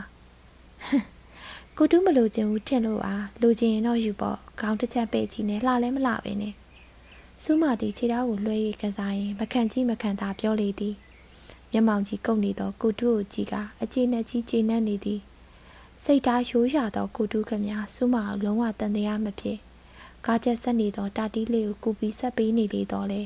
စိတ်ထဲတွင်မတင်မချနဲ့ကတိကောင်ဖြစ်နေပုံရသည်။ အိုးတတအိတ်နေတာမဟုတ်ဘူးကွယ်။ဘာလို့ထားထိုင်နေရလဲ။ခေါင်းမှုသေးလားသား။မေမေဒီချက်သားဆွပြုတ်ပကံကိုစပွဲပေါ်သို့လှမ်းတင်လိုက်ရင်တာတီးလေးနှစ်ပူစမ်းကြည့်လေသည်။မွေးပြန့်သောရနံသည်ဝေ့ပြီးတက်လာသည်။စူးမာသည်သူ့ရှိရှိချက်သားဆွပြုတ်ကိုတစုံလောက်ခတ်ပြီးမြည်ကျင်စိတ်ကပေါက်လာသည်။တာတီးလေးကမူဆွပြုတ်တောက်ချင်ဟန်တော့မရှိကြ။မေမေတတထမင်းစားတယ်။အိုးသားလေးဖျားနေတာထမင်းမစားရဘူး။စားတယ်မေမေ။ စွပြုတ်တော့နော်ဒါဟောချူချိုလေးချိုလိုက်တာတားကြိုက်မှာမမေတီစွပြုတ်ပကံကိုလှမ်းယူပြီးတစုံမြည်ပြကတာတီးလေးအားချော့နေသည်တာတီးလေးသည်ထမင်းကိုသာအပြင်းထန်တောက်တပြီးစားကျင်နေပုံရသည်ထမင်းဖယ်တော့စားရမှာနေမမေဖြည်းဖြည်းပေါ်သားရဲ့ဟိုတနေ့ကသားစံပြုတ်တောက်တာတောင်အဖျားတွေပြန်တက်လာတယ်လေတတဘာဖမ်းမှမစားမှဖြစ်မှာတားဖေဖေကမကြွေးရဘူးတဲ့တိုက်ဖိုက်ဖြစ်နေတယ်ထင်နေတယ် တိုက်ဖိုက်อืมတိုက်ဖိုက်လေးအဲ့ဒါဘာလဲမမေအဖျားတစ်မျိုးပေါ်သားရဲ့ဦးရောက်ငန်းပြပေါ်ဒီနေ့မှအဖျားမကြရင်တတကိုတိုက်ဖိုက်စီကျွေးတော့မယ်လို့ဖေဖေကပြောနေတယ်ကဲတောက်နော်တာဆပ်ဆွပြုတ်တာမှအားရှိမှာအားရီအများကြီးရှိမှာကြမ်းမာမှာတောက်နော်တာအေးမိသားလေးကလိမ့်ပါတယ်တာတီးလေးကချော့မော့ပြောနေတော့မမေမျက်နာသည်နူးညံ့လာသည်မမေအတန်သည်ချိုတာလာသည် စွမသည်စွပြုံးနံမွေးမွေးကိုရှူရှိုင်ရင်မမေကိုငေးကြည့်နေသည်ထို့နောက်တိုက်ဖိုက်ကဥယောင်ငန်းပြယောဂအကြောင်းတွေးနေမိနေသည်ဖြစ်ရခြင်းစင်းမြစ်ကိုအသေးချာမသိတော့လဲတိုက်ဖိုက်ဖြစ်သူသည်ထမင်းနဲ့လာချီကခွဲခွာနေရသည်ကိုကြားဘူးသည်ကဘာပေါ်တွင်ရှိသမျှစူးမကြားဘူးသောယောဂများတွင်ငတ်ရသည့်တိုက်ဖိုက်ကိုအကြောက်ဆုံးဖြစ်သည်တိုက်ဖိုက်သာဆိုရင်တာတီးလေးသည်ထမင်းမစားရဘဲအကြာကြီးနေရကြတော်မူစူးမသည်တာတီးလေးကိုကြည့်စိတ်မကောင်းဖြစ်နေမိလေသည် တာတီးလေးခမမြမြစာလိုက်လေမီနီတားစာလိုက်တာတူတူသူရတာတီးလေး၏အတန်တိုးညင်းလာသည်ဘာဖောင်မောင်ပြည့်ပြည့်လေးမှာချက်ချင်းပင်သွေးကျသွားသည်မျက်လုံးလေးကပြူးလာသည်နှကန်းလေးမှာလည်းဖြူရော်ပြီးအားနေလာလာသည်ဆိုင်စွပြုတ်တောင်မလားညီလေးကိုကိုယူပေးမယ်လေဟမ်စွပြုတ်ချိုချိုလေးလေကွာနည်းနည်းတူတူသူရ တတာတီးလေးသည်စွပြုတ်ရည်ကျဲကိုသာနှီးစဉ်ရက်ဆက်တောင်းနေရသောအခါညီငွေလာဟန်ရှိသည်ချက်သားနှံစိတ်သားနှံတို့မခံနိုင်လောက်အောင်ဖြစ်နေရပုံရှိသည်ဒီလိုဆိုဟောလစ်တော့မလားမတောက်ချင်ပါဘူးစွမသည်တာတီးလေး၏လက်လေးတစ်ဖက်ကိုလှမ်းပြီးကဆွဲကင်လိုက်မိသည်ဝါတစ်နေသောလက်ချောင်းလေးများသည်အတန်ငယ်သေးသွယ်သွားလေသည်တာတီးလေးထမင်းငတ်နေသည်မှာ15ရက်ရှိကြပြီ ထမင်းမစားရပဲပေါမုတ်တို့ဘီစကစ်တို့စားရရင်တော်သေးသည်အခုတော့တာတီးလေးကများဘာဖမ်းမှမစားရပဲအရေးတက်တက်ကိုသာနေ့စဉ်ရက်ဆက်တောက်သုံးနေရရှာသည်ရတော့တနာဖို့ကောင်းလှသည်တာတီးလေးကဘာစားကျင်လို့လဲချင်မောင်ကျော်ရဲ့ကြက်သားကျော်ရဲ့ထမင်းရဲ့နောက်ပြီးချင်းရင်ဟင်းဒေါ်ကြီးတက်တခါတလေတုတ်ပေးတယ်ရှောက်တီးတုတ်နောက်ပြီးနောက်ပြီး တာတီးလေးမျက်လုံးလေးများသည်အယောင်တောက်လာပြီးလက်ချောင်းလေးများကိုတစ်ခုပြီးတစ်ခုချိုးကရေတွက်ရေရွတ်နေမိသည်ထမင်းပူပူနွေ့နွေ့နဲ့အချင်းအဆက်များအောင်စားကျင်သောအာသာတန်းတန်းတတလေးဖြစ်နေရရှာလေးသည်စူးမာသည်ပိန်ချောင်ချောင်လေးဖြစ်သွားသောတာတီးလေးကိုတနာကျင်နာစွာငါ၍ကြည့်နေမိလေသည်စူးမာသည်သာဆိုရင်မြင်များပင်ဖျားပါစီထမင်းစားကျင်လာပါကမမေအလစ်တွင်ထမင်းစားကန်းထဲဝင်ပြီးခိုးစားပြစ်တတ်သည်သာဖြစ်သည် တခါလေအဖျားပြောက်ခါစားတွင်မြစ်ချင်ရင်းများခိုးစားဘူးလေသည်ကံကောင်းထောက်မှသဖြင့်အဖျားနှင်းငယ်ပြန်တက်ယုံမှအပါဘာမှမဖြစ်ခဲ့ကြဟင်းအိုထဲမှာမြစ်ချင်ဟင်းများရောနေသည်ကိုလည်းဒေါ်ကြီးတက်ကလုံးဝတတိမထားမိသဖြင့်စူးမအဆူလည်းမခံခဲ့ရကြတာတီးလေးခမမှာတော့စူးမတို့လိုထမင်းစားကန်းတဲ့ကိုမဝင်နိုင်ကြဒီတခုတော့မမေကီယူဆိုင်ခံရသည်ဟာမကောင်းလာကြ အပေါ်တက်မှအောက်ထက်သို့မစင်းရရှာပဲ24နာရီကတင်ပေါ်တွင်သာအချိန်ကုန်ရရှာလေသည်စုမာတို့သာဆိုရင်အတန်ငယ်အဖျားတက်တာလာပါကကတင်ပေါ်မှဆင်းပြေးတတ်သည်သာဖြစ်သည်သို့တော့ဖျားပုံချင်းကမတူစုမာတို့ဖျားဘူးသည်မှာရိုးရိုးပြတာတီးလေးရမှုဥယောင်ငန်းဖျားဥယောင်ပြီးငန်းဖျားတာနဲ့ပြီးစက်ကလေးလေးအောင်မစားရတော့ဘူးတဲ့လားမုတ်ကလေးလောက်တော့စားတာတော့အဖျားမတက်နိုင်တော့ပါဘူးကိုတူးရနော်မမေက ကျွေးလို့ရရင်ကျွေးမှာပေါ့စူးမာရဲ့မရလို့ပေါ့တာတီးလေးလက်ချောင်းသွဲ့သွဲလေးများအောင်ညက်ကင်ရင်စူးမာမကြင်မနှက်ဖြစ်နေမိလေသည်လူကြီးများသည်နေရာတကအစိုးရိမ်ကြီးတတ်သည်အထူးသဖြင့်မမေတို့ဟာပိုးပြီးစိုးရိမ်တတ်သည်နေရာတကပိတ်ပင်တတ်သည်ကိုစူးမာလည်းအသည်ကိုတူးလည်းအသည်ဖြစ်သည်ယခုလေတာတီးလေးကိုအစိုးရိမ်လွန်ပြီးအရေးကြီးတိုက်နေခြင်းပေလောဟုစူးမာတန်တရားဝင်နေမိလေသည်။အိုးမမေတို့ကတော့အမြဲစိုးရိမ်နေတာပါပဲ။ ဘာများမစိုးရိမ်တာရှိလို့လဲ။စူးမာဖျားတော့ကလည်းဘာမစားရဘူးညာမစားရဘူးနဲ့စူးမာကစားစားနဲ့မြစ်ချင်ရင်တွေတဝစားပြီးအိယာတဲ့ကိုအိန္ဒြေမပြတ်နဲ့ပြန်အိတ်နေတာ။မမေကဘာမှမသိမသိတော့တာလေပြီးတာပဲ။အဖျားဆိုတာခွေးဖျားဝက်အဖျားအဖျားစုပ်အဖျားနာကတော့အချိန်တိုင်းရင်ပျောက်တာပဲနောက်ပြီးစူးမဟိုတခါကလည်းဖျားရင်တန်းတန်းနဲ့ထမင်းခိုးစားပူတာပဲဘာမှမဖြစ်ပါဘူးကဲတားလေးစားကျင်နေ စူးမနော်ခလေးရစားပါတယ်ဆိုမှကိုတူးတီစူးမအောင်မျက်လုံးပြူးကြည့်ရင်ဟန်တားလေသည်တာတီးလေးရမူကိုတူးကိုခက်ပြော့ပြော့လေးမိရင်မျက်နာလေးမဲနေရှာသည် သူ့ဘေးပတ်လည်တွင် ကစားစရာများပတ်ချဝိုင်းနေသည်အစိမ်းရောင်စစ်သားရုပ်သည်တနက်ကိုတန်းရင်ပက်လက်လေးလဲနေသည်စစ်သားလေးဘေးတွင်မိရတာစက်ကောင်းတွဲနှင့်သုံးဘိန်းကားဝဝလေးတို့သည်လည်းကျွန်းတုံးမှောက်ခုံဖြစ်နေကြသည် တာတီလေးထမင်းဆာဆာနဲ့မိရတာသုံးဘိန်းကားတို့ခေါင်းချင်းဆိုင်ပြီးတိုက်ပြစ်ထားဟန်ရှိသည်မမေရောဈေးတွားတယ်လေတားညက်နေကြရင်ဈေးထိုးရအောင်မတိတ်နာတာပဲနာပါဘူးကွာမင်းကလည်းယောက်ျားပဲတားကလေးတဲ့မမေကပြောတယ်ကလေးပင်ပဲကလေးယောက်ျားကွာမနာရဘူး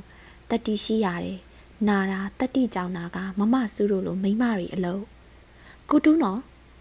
စူးမသည်သူ့လက်ထဲမှာကော်လီလုံးမီနီလေးနဲ့ကိုတူးကိုပြက်ပေါက်လိုက်သည်ကိုတူးကခေါင်းငုံပြီးရှောင်လိုက်၍စောင်းကြားထဲကိုလိမ့်ဝင်သွားသည်စူးမသည်နေရာမှပြုံးကနေထကကိုတူးကိုခုံအုပ်လိုက်သည်မေပရက်ကွာမေနက်ကွာတတိရှိတယ်နော်စူးမာကြားဘူးသောမိမသူရဲကောင်းတို့၏အမည်ကိုရေရွတ်ကဝုံကနေခုံအုပ်လိုက်တော်လဲကိုတူးသည်ဘာမှမရေရွတ်ပဲကတင်ပေါ်မှလှိမ့်ဆင်းသွားသည် ထို့ကြောင့်မိမသူရဲကောင်းစူးမာကမြကတင်ပေါ်သို့ကာယလိကျသွားသည်ဟာမမဆူကွာတက်တိရှိရဲ့ဟာဟာမင်းနဲ့ကြည့်ဤသွားပြီလားတာတီးလေးနဲ့ကိုတူးတို့ကဩဘာပေးနေတော့လဲစူးမာပြတ်မထားနိုင်ပြီအိယာကင်းတဲ့စာအောင်မှာခိုးလိုခုလူများအောင်စမ်းမိသဖြင့်လက်ရှို့ပြီးနှိုက်ကြည့်မိသည်တရေကွင်းနဲ့ဂေါ်လီလုံးသုံးလုံးဖြစ်သည်ထို့နောက်ခဲတံအညူကလေးတစ်ကြောင်ခဲပြက်အဖြူကလေးတစ်ခုကိုပါတွေးရသေးသည် တတခဲတံလေးဟိုနေ့ကတာအယုတ်ဆွဲရင်းနဲ့ပျောက်သွားတာအေးအဲ့ဒီထဲမှာကောက်မလေးခေါင်းတစ်ချမ်းမှာရောက်ချင်ရောက်နေမှာကိုတူးကအရေးတဲ့သူ့အယုတ်ကားမှာကောက်မလေးရဲ့ဥကောင်တတိရနေသေးသည်စူးမာသည်ကိုတူးကရှာထုတ်ပြရင်ဟက်ဟက်ပက်ပက်နဲ့ရှိနေမိသည်စူးမာအသေးအချာလုံလုံထုတ်ကဝတ်ထားသောအယုတ်ကားပိုင်းလေးသည်တာတီးလေးအိပ်ရာတဲ့သို့မြည်သည့်နီးနဲ့မှရောက်လိမ့်မည်မဟုတ်ချေမိဖို့ကြောင့်မှမှွေးပြန့်သောရနံ့သည်ဝိတက်လာသည် ဝဲဦးကြောင်းကျော်နှံ့ထင်သည်မိမိသည်ဖေဖေကြိုက်သောမိုးညိုဝဲဦးကြောင်းတကူးတကမှပြီးမပြတ်ဆူထားလေးရှိသည်ဝဲဦးကြောင်းတူတူတုတ်တုတ်ကလေးများသည်ပုံတတန်ကိုကရှေမျောမျောနေသောရန်ကုန်ဝဲဦးကြောင်းများနှင့်မတူအစီရောအသားပါရှက်ကပါနေသည့်အတွက်အရသာရှိလာသည်ချုံများနေသည့်အတွက်ဖေဖေသားမကမမကြီးရောကိုတူရောမဆူးတို့ပါအကုန်ကြိုက်ကြသည်သာဖြစ်သည်အကဲဆုံးကတာတီးလေးဖြစ်သည်ဝဲဦးကြောင်းဘယ်တော့မှတချောင်းနဲ့မဝကြည် ထာဝစဉ်ထက်တောင်းတတ်သည်ထို့ကြောင့်တာတီးလေးကိုမှီပြီးစူးမတို့ကဝေပုံကြတချောင်းစီထပ်ပြီးရလိရှိသည်ဟောဝဲဦးကြောင်းနဲ့မှုေးတယ်တာတီးလေးသည်နှာခေါင်းလေးကိုရှုံးကြည့်ပွားကြည့်လို့ရင်အနံ့ခံနေလေသည်နေ့စဉ်နေ့တိုင်းမနှက်ပြန်ညပြန်ထမင်းစားနေရသောစူးမာပင်နှင့်အနက်ယူရင်ထမင်းစားလာသည်နှစ်ပတ်ကြော်ကြော်ထမင်းငတ်နေသောတာတီးလေးအဖို့မူကားစိုးပွဲရာပင်ရှိမည်မဟုတ်မိမြထမင်းစားလိုက်မည်နီ မိမြတရေကြားလိုက်မည်နီစူးမာကိုတူထမင်းစားမယ်ဒေါ်ကြီးတက်ဤအတန်အားတာတီးလေးနားထဲတွင်ဟိန်သွားပုံရလေသည်စားလိုက်တာဟုထပ်မပြောတော့တယ်မျက်နာလေးငယ်သွားရှာသည်ဒေါ်ကြီးသက်ယူလာပြီးတော့စွပ်ပြုတ်ပကံကိုမိုင်ငင်းငယ်လေးတွေးကြည့်နေမိသည်စွပ်ပြုတ်ရည်တစုံခတ်တော့ပြီးတပ်ပြင်းလေးချလိုက်သည်တာဝဲဦးကြောင့်စားကျင်လိုက်တာညီးတွားတယ်လို့ပြောလိုက်တော့အတန်ကြောင့်စူးမရင်ထဲတွင်နှင့်သွားသည် ထမင်းစားရင်အောက်ထပ်ဆင်းခဲ့ရတော့လေစွပ်ပြုတ်တပကံနဲ့မိုင်တွေတွေလေးကြံရီးခဲ့တော့တာတီးလေးကိုမြင်အောင်နေလေသည်ကိုတူးလည်းမျက်နှာမကောင်းပြီကျွေးလို့ရရင်ငါမစားပဲအငတ်ခံပြီးအောင်ကျွေးလိုက်ချင်ပါရဲ့ဟာတာတီးလေးအရန်စာနေတာပကံထဲမှာဝဲဥကြောင်းကြော်များကိုတွေ့ရတော့အခါစူးမပိုပြီးစိတ်မကောင်းဖြစ်သွားသည်ကိုတူးအောင်မူမျိုးကြပုံမင်းမရတော့ မွေးပြက်နေသောရနံ့ကိုရှူရှိုက်ရင်မျက်နှာငယ်ငယ်လေးနဲ့ညှင်းညူလိုက်သောတာတီလေး၏အတန်ကိုအားကြားနေရန်ရှိသည်ရပါတယ်ကိုတူရထမင်းမမဟုတ်ပဲဝဲဥကြောင်းပဲတကြောင်နဲ့အစာပြေကျွေးမယ်လीတော့ကြဥပေါက်သွားရင်ဘယ်နဲ့လုပ်မလဲကိုတူရဝဲဥကြောင်းကအချောင်းကြီးတန်ချောင်းကြီးမှမဟုတ်တာဝါပြီးမြူကြတာဘလို့လုပ်ပြီးဥပေါက်နိုင်ပါလဲမမေတို့လက်ကားစိုးရိမ်နေတာစူးမပြားတိုင်းခိုးစားနေကြဘာမှမဖြစ်ဘူးသူကမြအရန်စာနေတာ ဒါကြောင့်ရပါတယ်လို့ပြောမှကိုတူကမယုံဘူးစူးမသည်ဝဲဟုကြောင်ကိုစိမ့်စိမ့်ကြည်အောင်ဝါနေရင်မှကိုတူကိုတိုက်တိုက်တွန်းတွန်းပြောနေမိသည်စူးမအပြောကောင်းသောကြောင့်လားတော့မသိကိုတူးသည်ဝဲဟုကြောင်လေးတစ်ချောင်းတွေ့တွေ့ငင်းငင်းကြည့်ရင်အตาလေးဘေးသို့ဖယ်ထားလိုက်လေသည်တာတီးလေးစားကျင်လာသောဝဲဟုကြောင်ကျွေးရန်အတွက်ကိုတူးဟာသဘောတူပြီးဖြစ်သောကြောင့်စူးမကျင်းနေသွားသည်သူ့လက်ထဲသို့ဝဲဟုကြောင်ကြော်လေးထည့်လိုက်ရင်တာတီးလေးခမမြင်းမြဝမ်းသာရှာလေးမြည်နီးဟုစဉ်းစားရင်ပြုံးနေမိသည် တမျက်နာလုံးရှင်ပြုံးပြီးဝဲဟုကြောင်လေးတထောင်လုံးကိုတကိုက်ပြီးတကိုက်အပီဝါးစားပြက်မြင်မှလာမပြောတတ်ဟာတားဘူးလားအေးမမေတော့မသိစိမ့်နဲ့ဒီရဲရဲဝဲဟုကြောင်လေးကိုကြည့်ရင်တာတီးလေး၏မျက်နာမှာညွညွလေးသည်ဝင်းထိန်သွားသည်မျက်လုံးလေးများသည်ပင်အယောင်တောက်လာသည်တတွေးမျိုးချရင်လက်ကလေးလမ်းပြီးကမန်းကတန်းယူပြီးတာတီးလေးကိုကြည့်ရင်စူးမကျင်းနေနေသည် ကိုတူးမသိအောင်ထက်ယူလာသောဝဲဥကြောင်နောက်ထပ်တစ်ချောင်းလက်ထဲတွင်ဝက်ပြီးစုပ်ထားသည်စင်ပစံနှမ်းပတ်သလိုဖတ်တငယ်ငယ်နှင့်ဖြစ်နေရရှာမည်စိုးသောကြောင့်ဖြစ်သည်တာတီးလေးထက်တောင်းမှထုတ်ပေးရန်ဖြစ်လေသည်တာတီးလေးသည်ဝဲဥကြောင်နီနီရဲရဲကြွကြွရွရွတကိုင်းမှကိုက်ရန်ဟန်ပြင်လိုက်သည်တတရီဟမ်တပါရီစာအခန်းထဲလှမ်းဝင်လာသောမမကြီးသည်ရုတ်တရက်အံ့ဩသွားသလိုရက်တန့်သွားပြီးမှအပြေးကလေးလျှောက်လာသည် တာတီလေးလက်ထဲတွင်တင်းတင်းဆုပ်ထားသောဝဲဦးချောင်းလေးကိုဆွဲလူလိုက်ရင်အော်နေလေသည်ဘာလို့ဒါတွေစားနေရတာလဲဘဲကရတာလဲသိသွားကျင်သလားဟုတ်လားကြည်စမ်းမမကြီးလက်ထဲသို့ပြက်ခနဲပေါသွားသောဝဲဦးချောင်းကြည့်တာတီလေးသည်ချက်ချင်းမျက်ရည်ဝိုင်းလာလေသည်အထိတ်တလန့်နှင့်ကြောက်နေသောကိုတူအားအကူအညီတောင်းဟန်နှင့်ငုံမဲမဲလေးလှမ်းကြည့်သည်ကိုတူဟမ်ကိုတူကလေးကိုဝဲဦးချောင်းကြွေးပြီးတတ်မလို့လား မမကြီးသည်ဝဲဥကြောင်းလေးကိုပြက်ကနေပြက်ပေါက်လိုက်ရင်ဒေါသတန်နဲ့အော်လိုက်သည်ကိုတူးသည်ဘာမှပြန်မပြောတတ်ပဲအာဈေးထည့်ထားသူလိုငိုင်နေသည်ကတင်အောင်လိမ့်သွားသောဝဲဥချောင်းလေးကိုငေးကြည့်ရင်စူးမအားမူမျက်ရည်ရွှေဝဲလာသည်ဝဲဥချောင်းပြီးစီညောက်တောင်လေးတစ်ချောင်းလောက်စားယုံနေတော့တာတီးလေးသိမ့်နိုင်လိမ့်မည်ဟုစူးမမတင်မိပါကြည်တိုက်ဖိုက်ဖြစ်ပါတယ်ဆိုမှဝဲဥချောင်းခိုးချွေးကြတဲ့ညံကြီးရှင်နေအဖက်စားလို့မရဘူးဆိုတာမသိဘူးလား မမကြီးအတန်ကြောင်ဈေးမပြန်ရောက်စမမီကလည်းအိမ်ပေါ်တက်သို့ကမန်းကတန်ပြေးတက်လာလေသည်အကြောင်းဆောင်တည်သောအခါတွင်ကရှင်ဘက်စီတီအော်လီတော့သည်ဖျားဖျားကန်ကြီးလုံးလို့ပေါ့အမလေးလေးငါသားလေးတိတ်တွင်းထွက်ကလေးကန်ကောင်းလုံးလို့မသေးတာဟမ်ကိုတူကိုညီလေးကိုကိုတတ်မလို့လားအမိုက်တုံးညံမရှိတဲ့ပစွန်ကောင်းမမေတီကိုတူကိုပြောရင်းဆိုရင်လည်းဒေါသနဲ့စောင့်တွန်းလိုက်သည် ကိုတူးသည်နောက်ဖက်သို့ရိုက်သွားရင်မမေကိုရီဝေစွာနဲ့မောကြည့်လေသည်ဒါတီးလေးတိတ်ဆာနေလို့ပါမမေရဲ့အာတာပြေနင်းနေလေးပါတော်စံနင့်ကောင်းထဲမှာချီးစုနေသလားတိုက်ဖိုက်ဖြစ်နေတဲ့လူအစာကျွေးရတတ်တာပဲနင်တလောက်မှညံမရှိဘူးလားခွေးလို့ကောင်းရဲ့စူးမာသည်ဗီဒီယိုလေးကိုမိကမတက်ရက်နေခေါင်းငုံထားမိသည်စင်ဆက်အားဖြင့်တရက်ခန့်အစ်စ်သည်စူးမာဖြစ်သည်ကိုတူးကိုမရမကတိုက်တွန်းပြီးကြွေးခဲ့စေခြင်းဖြစ်တော်လဲ ပြဿနာဖြစ်သောအခါထုံးစံအတိုင်းကိုတူးသာခေါင်းတက်ပြီးအဆုခံရလေတော့သည်စူးမာသည်ကျမ်းမြေကိုငုံနေရင်နဲ့ဒေါသတကြီးပြောနေသောမမေ့အတန်းများနားထဲကိုလိမ့်ဝင်လာလေတော့သည်မျက်လုံးတွင်မျက်ရည်ကြီးများစိတ်အိုင်ပြီးကျမ်းမြေကိုမူဝါတာတာသာမြင်ရသည့်အတီတုတ်တုံမှမလှုပ်ပဲအတန်မထွက်ခါငြိမ်သက်စွာမတည့်သည်ရက်နေလေးမိသည်ကိုညီလေးများကိုပြန်ပြီးတေအောင်လှုပ်တာလားတတ်တာလားဒီလောက်ပဲမုန်းနေရသလားမမေကျွန်တော်ဒီလိုမပြောနဲ့ ကိုတူးသည်ရုတ်တရက်နာကြီးစွာနဲ့ထအောင်လိုက်သည်ညိုးငယ်နေသောမျက်လုံးလေးများသည်ညိုမိုင်းမိုင်းဖြစ်လာသည်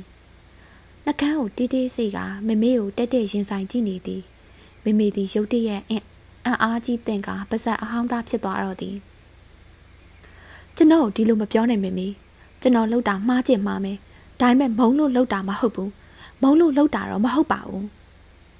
ကိုတူးသည်မျက်နှာလေးหนีရဲလာကအတန်ကုန်អော်လိုက်သည် စူးမလန့်သွားပြီးလက်ထဲမှာဝဲဥချောင်းလေးကိုစိစိပအောင်တင်းတင်းဆုပ်ထားလိုက်မိသည်ဒါဒီလေးသည်ပင်လမ်းဖြန့်ပြီးအငိုတိတ်သွားလေသည်သူ့ကိုနောက်ပြန်အော်ဟစ်လိုက်တော့တားကိုကြည့်ရင်ကြက်သေးသေးနေသည်ကိုတူကြည်စမ်းကြည်စမ်းအမေကိုခံအော်နေရသလားခံပြောနေရသလားအမိုက်ကောင်ကလေးအဝေးစီချိုးကတ်မဲ့ငရဲအိုးကလေးမမကြီးသည်လက်ကိုဝှေရန်ကကြိတ်မနိုင်ခဲမရပြောနေသည် ထိုစဉ်တွင်ကိုတူးသည်ခြာကနေလှည့်ပြီးအခန်းထဲမှပြေးထွက်သွားလေသည်အောက်ထပ်သို့တတိုင်းတိုင်းနဲ့ပြေးဆင်းသွားသောခြေတံကိုနားဆိုင်ထောင်ရင်စူးမာ၏မျက်လုံးအိမ်တွင်မှမျက်ရည်ပေါက်ကြီးများလိမ့်ဆင်းလာလေတော့သည်ငါ့ကိုခွေးလို့ပြောပြောတရိษံပစွန်ကောင်ပြောကျင်တာပြောပါခံနိုင်ပါတယ်အခုတော့အခုတော့တာတီးလေးကိုချစ်လို့တနာလို့ကြွေးမိတာပါအဲ့ဒါကိုမုံလို့တတ်တယ်လို့ဘာလို့ပြောပြောနေရတာလဲ ကောင်းကင်ပြင်တွင်ကြဲကလေးများလင်းလက်နေလေသည်လားမိုက်သောညက်မို့ကြဲကလေးများသည်ပုံမဆုံလင်းစွာနှင့်ဝင်းပနေကြလေသည်ကိုတူးသည်မျက်ခင်းပြင်ပေါ်တွင်ပလက်လန့်အိရင်ကောင်းကင်ကျဲကိုမောကြည့်နေလေသည်စူးမာကမူကိုတူးပေးတွင်ချိန်နှချောင်းကိုမိုးပေါ်ထောင်းကမှောက်လျက်ကလေးအိတ်နေသည်စိုးနှင့်စွာပြောနေသောကိုတူး၏စကားကိုနားထောင်ရင်ရှင်ထဲတွင်တင်းတင်းကြပ်ကြပ်ကြီးဖြစ်နေလေသည်မမေကဒေါသဖြစ်နေတော့မို့ပြောတာပေါ့ကိုတူးရာ ဒါပေမဲ့ဘာလို့ဒီလိုပြောရတာလဲဘာလို့မုန်းလို့တတ်တာလားလို့ပြောပြောနေရတာလဲကိုတူး၏အတန်သည်အဖျားခက်ကတုံတုံရင်ရင်ဖြစ်နေသည်စူးမလည်းဘာဆက်ပြောရမှန်းမသိသည့်အတွက်ငြိမ်နေမိသည်ရှင်ထဲတွင်ခဲဆွဲထားသလိုလေးလံနေသည်တမင်းစားကန်းထဲတွင်မီးလန့်နေသည်ဖေဖေနဲ့မေမေတို့၏အရေးများကိုတွေ့ရသည်ဖေဖေဈေးတိုက်ကပြန်စားမှုမေမေကဘာမှပြောသေးပုံမရကြသို့တော့အိမ်တွင် တပုံလူစိုးကလေးများ၏တည်င်းသည်ဖေဖေနားသို့မကြမီပေါက်ကြားတော်မူထင်သည်တခါတလေများငါခဏလောက်တေးကြည့်ခြင်းနဲ့တိလားစုမဟမ်ဘာဖြစ်လို့လဲငါသိရင်တော့မမေငိုပါမလားလို့ကိုတူးကလည်းပောက်ခရရမမေငါ့ကိုချစ်ရင်တော့ငိုမှာပေါ့နော်ကိုတူးကလည်းအမေပဲချစ်မှာပေါ့အများကြီးမချစ်တောင်နည်းနည်းတော့ချစ်မှာပေါ့ဟွန်းစူးမရဲ့နင်လဲသိတာနဲ့မမေငါတို့ကိုမချစ်ပါဘူး သူ့စိတ်ထဲမှာငါတို့ဟာအမိုက်တွေလိုပဲအမြဲရှုပ်နေတာကိုတူးကနာကြီးစွာပြောလေသည်စူးမရုတ်တရက်ငိုကျင်သွားမိရင်ကိုတူး၏စကားကိုမငင်းနိုင်အောင်ဖြစ်နေလေသည်ကြိတ်၍လက်ခံမိစဉ်တွင်မျက်ရည်များစိမ့်ဝဲပြီးအားငယ်လာသည်လက်မောင်းလေးပေါ်တွင်မျက်နှာကိုမှောက်ချလိုက်ရင်မျက်စိကိုတင်းတင်းကြပ်ကြပ်ပိတ်ထားလိုက်သည်စူးမသိရင်ရောကိုတူးငိုမလားမသိဘူးမျက်ရည်တော့ကြမှာပေါ့ဝမ်းထဲမှာပေါ့ဒါမဲ့ဘာလို့အော်ငူရမှာလဲ စူးမလည်းခဏလောက်သိကြည့်ကျင်တယ်ဘာလို့ပို့စူးမတည်ရင်ဘသူတွေဝမ်းနေမလဲငိုမလဲလိုက်ကြည့်ကြလို့อืมမငိုတဲ့သူဆိုရင်နောက်ကနေဇက်ပိုးအုပ်ရမယ်အောင်တိုးဝင်းကတော့ပျော့သွားမှကျင်းသေးတယ်ခွေးကစူးမမခံကြီးမခံတာနဲ့ရေရွတ်လိုက်မိသည်အောင်တိုးဝင်းတို့တန်းထိုက်တို့စီတို့ဆက်ရောက်သွားချိန်တွင်ရှဲကနေမိချစ်ချစ်တန်ကိုကြားလိုက်ရသည်စူးမသည်တအံ့တအောနဲ့ခေါင်းထောင်အကြည့်တွင် ကိုတူးကစူးမ၏မျက်နှာကိုစီကရက်မီကိုနဲ့မှုတ်လိုက်လေသည်ဟမ်ကိုတူစကားမရှိနဲ့စူမငါတောက်ချင်လို့တောက်တာဘာမှမပြောနဲ့မိချစ်စံကလေးကိုနောက်ဖက်သို့လွှတ်ပြလိုက်ရင်ကိုတူးကလီတန်မမနဲ့ပြောလေသည်တကယ်ဝါရင်စိတ်လိတ်သမားကြီးတပွဲစီကရက်ကိုလက်နှချောင်းကြားတွင်ခက်ရော့ရော့လေးညှက်ထားသည်ရဲရဲတောက်နေသောစီကရက်မီလေးကိုငေးကြည့်ရင်စူးမာသည်အတန်မထွက်ပဲရှိုက်နေမိလေသည် စီကရက်နက်မှာရနံ့တင်းတင်းသည်လေအဝေးတွင် ဝေးဝေးကလေးပြန့်နေလေသည်နေရစိတ်လိတ်တောက်တာများအဆန်းလို့လို့ငါတို့အရွယ်တချို့ဆိုရင်စိတ်လိတ်တယ်မကအောင်နေရတကာမှာရင်းလာပြီအကုန်ရှောက်လို့ကြတာငါလေးကြိုက်လို့တောက်တာတော့မဟုတ်ပါဘူးစိတ်ထဲမှာတခုခုလှုပ်ပြစ်လိုက်ခြင်းလို့စိတ်လိတ်တောက်တာကိုတူးပြောနေသမျှကိုစူးမာသည်ဘာမှပြန်မပြောဘဲငြိမ်သက်သာနားထောင်နေလေသည် ကိုတူးလက်ထဲမှာစီကရက်ဖြူဖြူလေးကိုဆွဲလူပြီးလွတ်ပြစ်ကျင်တော့လဲမလုံရဲသည့်အတွက်မကြိမ်မနှက်လေးငေးကြည့်နေပြီသည်မနှက်ပြန်ကြရင်တော့ငါလင်းစင်စောက်တော့မယ်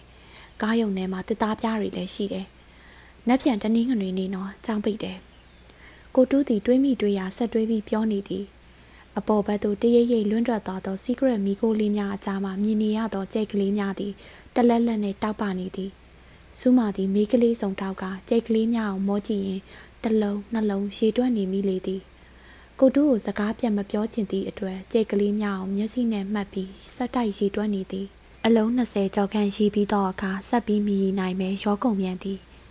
ဟိုးဝေးဝေးတွင်ကျဲသုံးလုံးတန်းလေးကိုတွေ့ရသည်မောင်ရင်စိုင်းတန်းကျဲလေးဖြစ်သည်သားနဲ့သမီးကိုစိုင်းတန်းထဲတွင်ထည့်ပြီးထန်းရက်နှစ်သမီးလေးနဲ့တွားတွေ့သောသူ၏ပုံမြင်ကိုစူးမဖတ်ပူးသည်ပုံမြင်အရာဆိုရင်အထအောက်သည် သားသမီးတို့ဖြစ်၍အလေကောင်တွင်စိုင်းတန်းကိုထမ်းထားသောဖခင်ဖြစ်လေသည်သူတို့သားမိသားဖလေးဦးပျော်ရွှင်စွာနဲ့ပြန်မတွေးကြပါလိမ့်မလားလို့စူးမသည်ငငယ်လေးစဉ်းစားနေမိသည်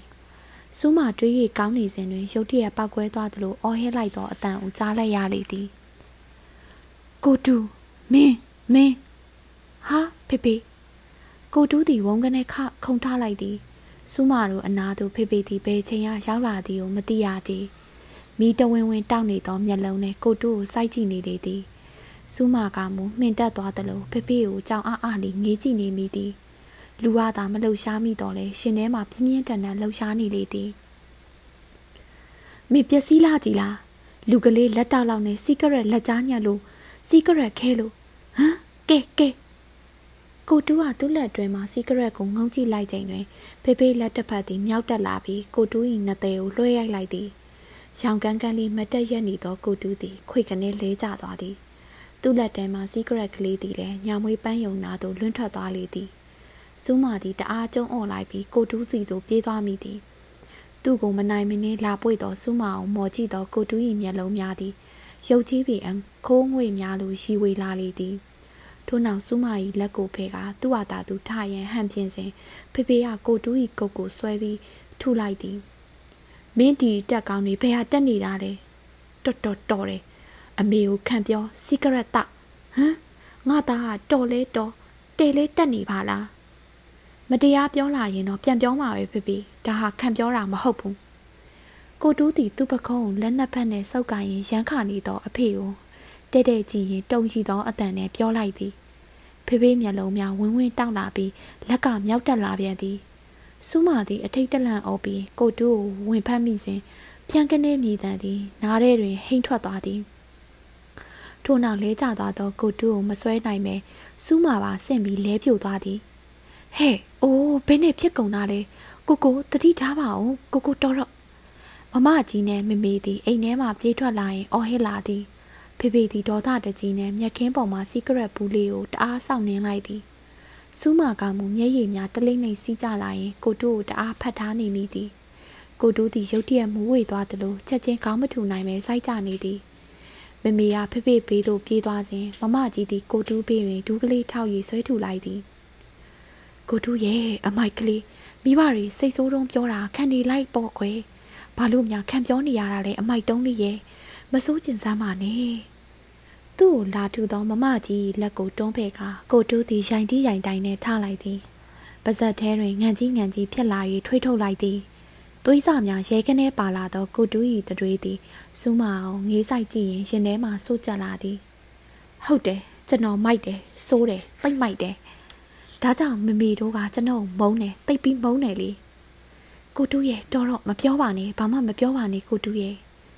ဖေဖေထိုက်ရိုက်အောင်မှဆိုသဖြင့်စူးမသည်ကိုတူး၏လက်တစ်ဖက်ကိုရမ်းခါကဘလုံးပထွေးနဲ့ပြောနေမိသည်ဖေဖေသည်တောက်တစ်ချက်ကိုပြင်းပြင်းထန်ထန်ခောက်လိုက်တော့လေထမရိုက်တော့ကြည်သူ့စိတ်ကိုသူထိန်းနေရန်နဲ့တက်သားရမ်းပြီးချက်ကလေးပူကိုစောင့်နေငါဖိချေလိုက်သည်ဂျုကနေကျိုးသွားတဲ့နဲ့အတူမိချစ်ဘူးလေးသည်ဖေဖေချေတာအောင်မှကြေပြီးပြားသွားသည်ထို့နောက်တပြင်းကြီးတစ်ချက်ကိုဟင်းကနေချလိုက်လေသည်ကိုတူးသည်သူ့ပါကိုလက်နဲ့အုပ်ကင်ရင်ဖေဖေကိုငေးကြည့်နေလေသည် အသားနာသွားသည့်တည်းစိတ်အနာပြင်းပြင်းထန်ထန်ခံစားနေရပုံရသည်မျက်နှာလေးသည်ဖြူရောပြီးမျက်လုံးလေးများမှုံဝေလာသည်နှကန်းကိုတေးတေးစိတ်ထားသည့်ကြားမှာတဆက်ဆက်တုံရီနေလေသည်ကိုတူသွားသွားအိမ်မော်တက်တော့သွားလီသွားတော့ဆိုမမကြီးသည်ကိုတူ၏ပခုံးတွန်းငါပြောနေသည်စူးမကဲ့သို့ပင်ဖေဖေထပ်ပြီးရိုက်လိုက်မည်ကိုစိုးရိမ်နေပုံရသည်ဖေဖေကမူနှကန်းကိုကြိုက်ကကိုတူကိုငိုက်ကြည့်နေသည် အဖေနဲ့သားတို့သည်တဦးကိုတဦးစိတ်မချမ်းမြေစွာနာကြီးစွာနဲ့စူးစိုက်ကြည့်နေလေသည်စူးမကကိုတူ၏လက်တွင် အတွင်တွင်ဆွဲခေါ်သွားသောအခါမှာကိုတူးသည်ခေါင်းကလေးငေါက်ဆိုင်ချလိုက်သည်ထို့နောက်လေးကန်စွာကြီးလိုက်လေသည်ကြည်စမ်းစုမှာငါပါများရောက်နေသလားမသိဘူးထုံချင်းချင်းဖြစ်နေရဲ့ဖေဖေငါ့ကိုရိုက်တယ်နော်ရိုက်တယ်နှစ်ခါတော့ပါးပြင်တစ်ဖက်ရှောင်းကိုင်းလာသောကိုတူးသည် သူ့ပါးလေးကိုသူအသာအရာဆန်းရင်စိုးနေသောအတန်နဲ့ပြောသည် ဖေဖေအနေနဲ့သားသမီးများကိုစူပိုယုံအားအပါရိုက်ခဲလာသည်ရိုက်မြရိုက်တော့ခွေကနေလဲသွားအောင်ပင်အင်အားကိုသုံးကလွှဲပြီးရိုက်ခဲ့သည့်အတွက်အရိုက်ခံရသောကိုတူးတော်ဘလို့နေသည်မသိစူးမာကမူအော်ပြီးငိုခြင်းစိတ်ကမထိန်နိုင်တော့ကြစူးမာတို့သည်အခန်းထဲသို့ရောက်တော်လေမိမဖွင့်မဲ့အမောင်ထဲမှထိုင်နေမိကြသည်ကိုတူးသည်သူ့ကရင်ပေါ်သို့ဝုန်းကနေပြစ်လဲချလိုက်ပြီးမျက်နှာကိုလက်ပွားနဲ့အုပ်ထားသည် တပတ်ခမ်းမှအလင်းရောက်လဲလဲလေးကတိုးဝင်လာသောအမောင်ကန်းထဲတွင် မောင်နှမနှစ်ဦးဟာတိတ်ဆိတ်စွာနဲ့ငိုင်းနေမိကြလေသည်ညင်သက်စွာတွေးနေမိကြလေသည်နားလိုက်တာစူးမာရဲ့အတန်ကြာသောအခါမှာကိုတူးသည်စူးမာခက်တိုးတိုးလေးလှမ်းပြောသည်စူးမာသည်ကိုတူး၏ပါပြင်ကိုအသာကင်ဆိုင်ရင်မေးလိုက်သည်ပယုတ်စီလိမ့်မလာရင်ကိုတူးစူးမာလိမ့်ပေးမယ်လေနော်အသားနာတာမဟုတ်ပါဘူးဟာအသားနာတာဆေးလိမ့်ရင်ပျောက်တာပဲ ဟွန်းဒါဆိုဘာနာတာလဲစိတ်ထဲကနာနေတာရှင်ထဲကနာနေတာကိုတူးကရှိုက်ငင်ရင်ပြောသည်မောင်နေသဖြင့်ကိုတူး၏မျက်ရည်များကမမြင်ရကြည်သို့တော်ရှိုက်တန်ကိုတော့ကြားနေရလေသည်သားသမီးကိုမုန်းနေမိပါရဲ့လို့ရှိပါမလားစူးမရဲ့ကိုရင်ကဖြစ်တဲ့သားကိုလှလွယ်ပြီးဆယ်လားမှမွေးရတာအသက်နဲ့လဲပြီးနာနာချင်းချင်းဝေဒနာတွေကြားတဲ့ကမွေးလာရတဲ့ရင်နစ်ရင်သွေးကို ဘယ်ဖေဘယ်မေရမချစ်ပဲနေပါမလဲချစ်တာကြီးပေါ့ဒါပေမဲ့စူးမနဲ့ကိုတူးကိုတော့တိတ်မချစ်ပါဘူးအမြဲဆူနေတာပဲဘယ်တော့မှလည်းခီးဥဆိုင်တာမဟုတ်ဘူး။ဟိုးအဲ့လိုတော့မထင်ပါနဲ့စူးမရဲ့မမကြီးသည်ခေါင်းကိုဖြင်းချင်းစွာခါရမ်းလိုက်သည်စူးမတို့နားလေသဘောပေါက်မြေကဲသို့ပြောပြရမည်ကိုစဉ်းစားနေပုံနဲ့မျက်မှောင်လေးတွန့်နေသည်မနေ့တုန်းကမမေရောဖေဖေရောဘလောက်စိတ်ထိခိုက်နေတယ်ထင်တယ်နှစ်ယောက်လုံးအိတ်မပြောကြဘူးသိရဲ့လား ကိုတူအိတ်ပြောသွားတော့ကိုတူကိုသွားကြည့်ပြီးမမေရဲ့ငိုသေးတယ်အခုမမေရောအိမ်ဟာမထသေးဘူးခေါင်းကိုက်နေတယ်ထင်တယ်စူးမတို့အိမ်တွင်းမှာတောက်လောင်နေသည့်မိဘုံကလေးသည်မသေးလာပြီအိမ်သားတိုင်းရင်တွင်းသို့ဝင်ကလောင်မြိုက်နေခဲ့ပုံရလေသည်စူးမနဲ့ကိုတူးတို့သားမကဖေဖေတို့မမေတို့မမကြီးတို့ပါစိတ်မကောင်းဖြစ်ကြသည်ဆိုတော့စူးမအံ့ဩသွားတော်လဲတစ်ဖက်မှာတော့ကျိန်းနဲ့သွားလေသည် တာတီးလေးပင်နဲ့မှိုင်တွေတွေမျက်နှာလေးနဲ့အိပ်ရာထဲမှာခွေနေရှာသည်ကိုတူးရောအိတ်တုံလားမဟုတ်ပါဘူးခုနတုန်းကပဲမျက်နှာတစ်ပြီးထွက်လာတယ်လေအစောကြီးထသလားဒီနေ့တစ်ပင်ပေါ်မှာလင်းစင်ထိုးမယ်တဲ့စူးမသည်ခြံထဲသို့ကဲကြည့်ရင်ပြောလိုက်သည်မကြီးပင်ကြီးဘက်သို့ခေါင်းကလေးငေါက်ဆိုင်နဲ့ရှောက်သွားသောကိုတူးကိုတွေ့ရလေသည်ညတော့ကမမကြီးပယုတ်စီလိမ့်ပေးတာသဖြင့်ကိုတူးဤပါပြင်းသည်အယောင်ရော့သွားသည် သို့တော်မျက်နှာလေးသည်အစ်ပြီးငိုမျက်နှာလေးဖြစ်နေသည်ကိုတူးကပြောတယ်ဘာလဲလဲနာလိုက်တာတဲ့အေးဟဲဖေဖေကလည်းအရန်ရိုက်တာပဲစီကရက်တောင်းနေတာတွေ့တော့လဲအရန်လှုပ်ပြီးစိတ်ဆိုးသွားတာကိုဒါပေမဲ့အသားကနာတာမဟုတ်ပါဘူးတဲ့ဟမ်ဒါဖြင့်ဖေရလဲစိတ်သေးကတဲ့ရှင်သေးကတဲ့အိုးမမကြီးသည်ပင့်သက်လေးရှိုက်လိုက်သည် တစုံတခုပြောကျင်တော့လဲစကလုံးပင်ရှာမရဟန်နဲ့နှကန်းလေးများသာတရွရွနဲ့လှုပ်နေလေသည်မဟုတ်ပါဘူးဟဲ့မဟုတ်သေးပါဘူးခေါင်းကိုခရမ်းရင်တီတိုရေရွနေသောမမကြီးသည်မျက်ရည်ရေဝဲနေသည်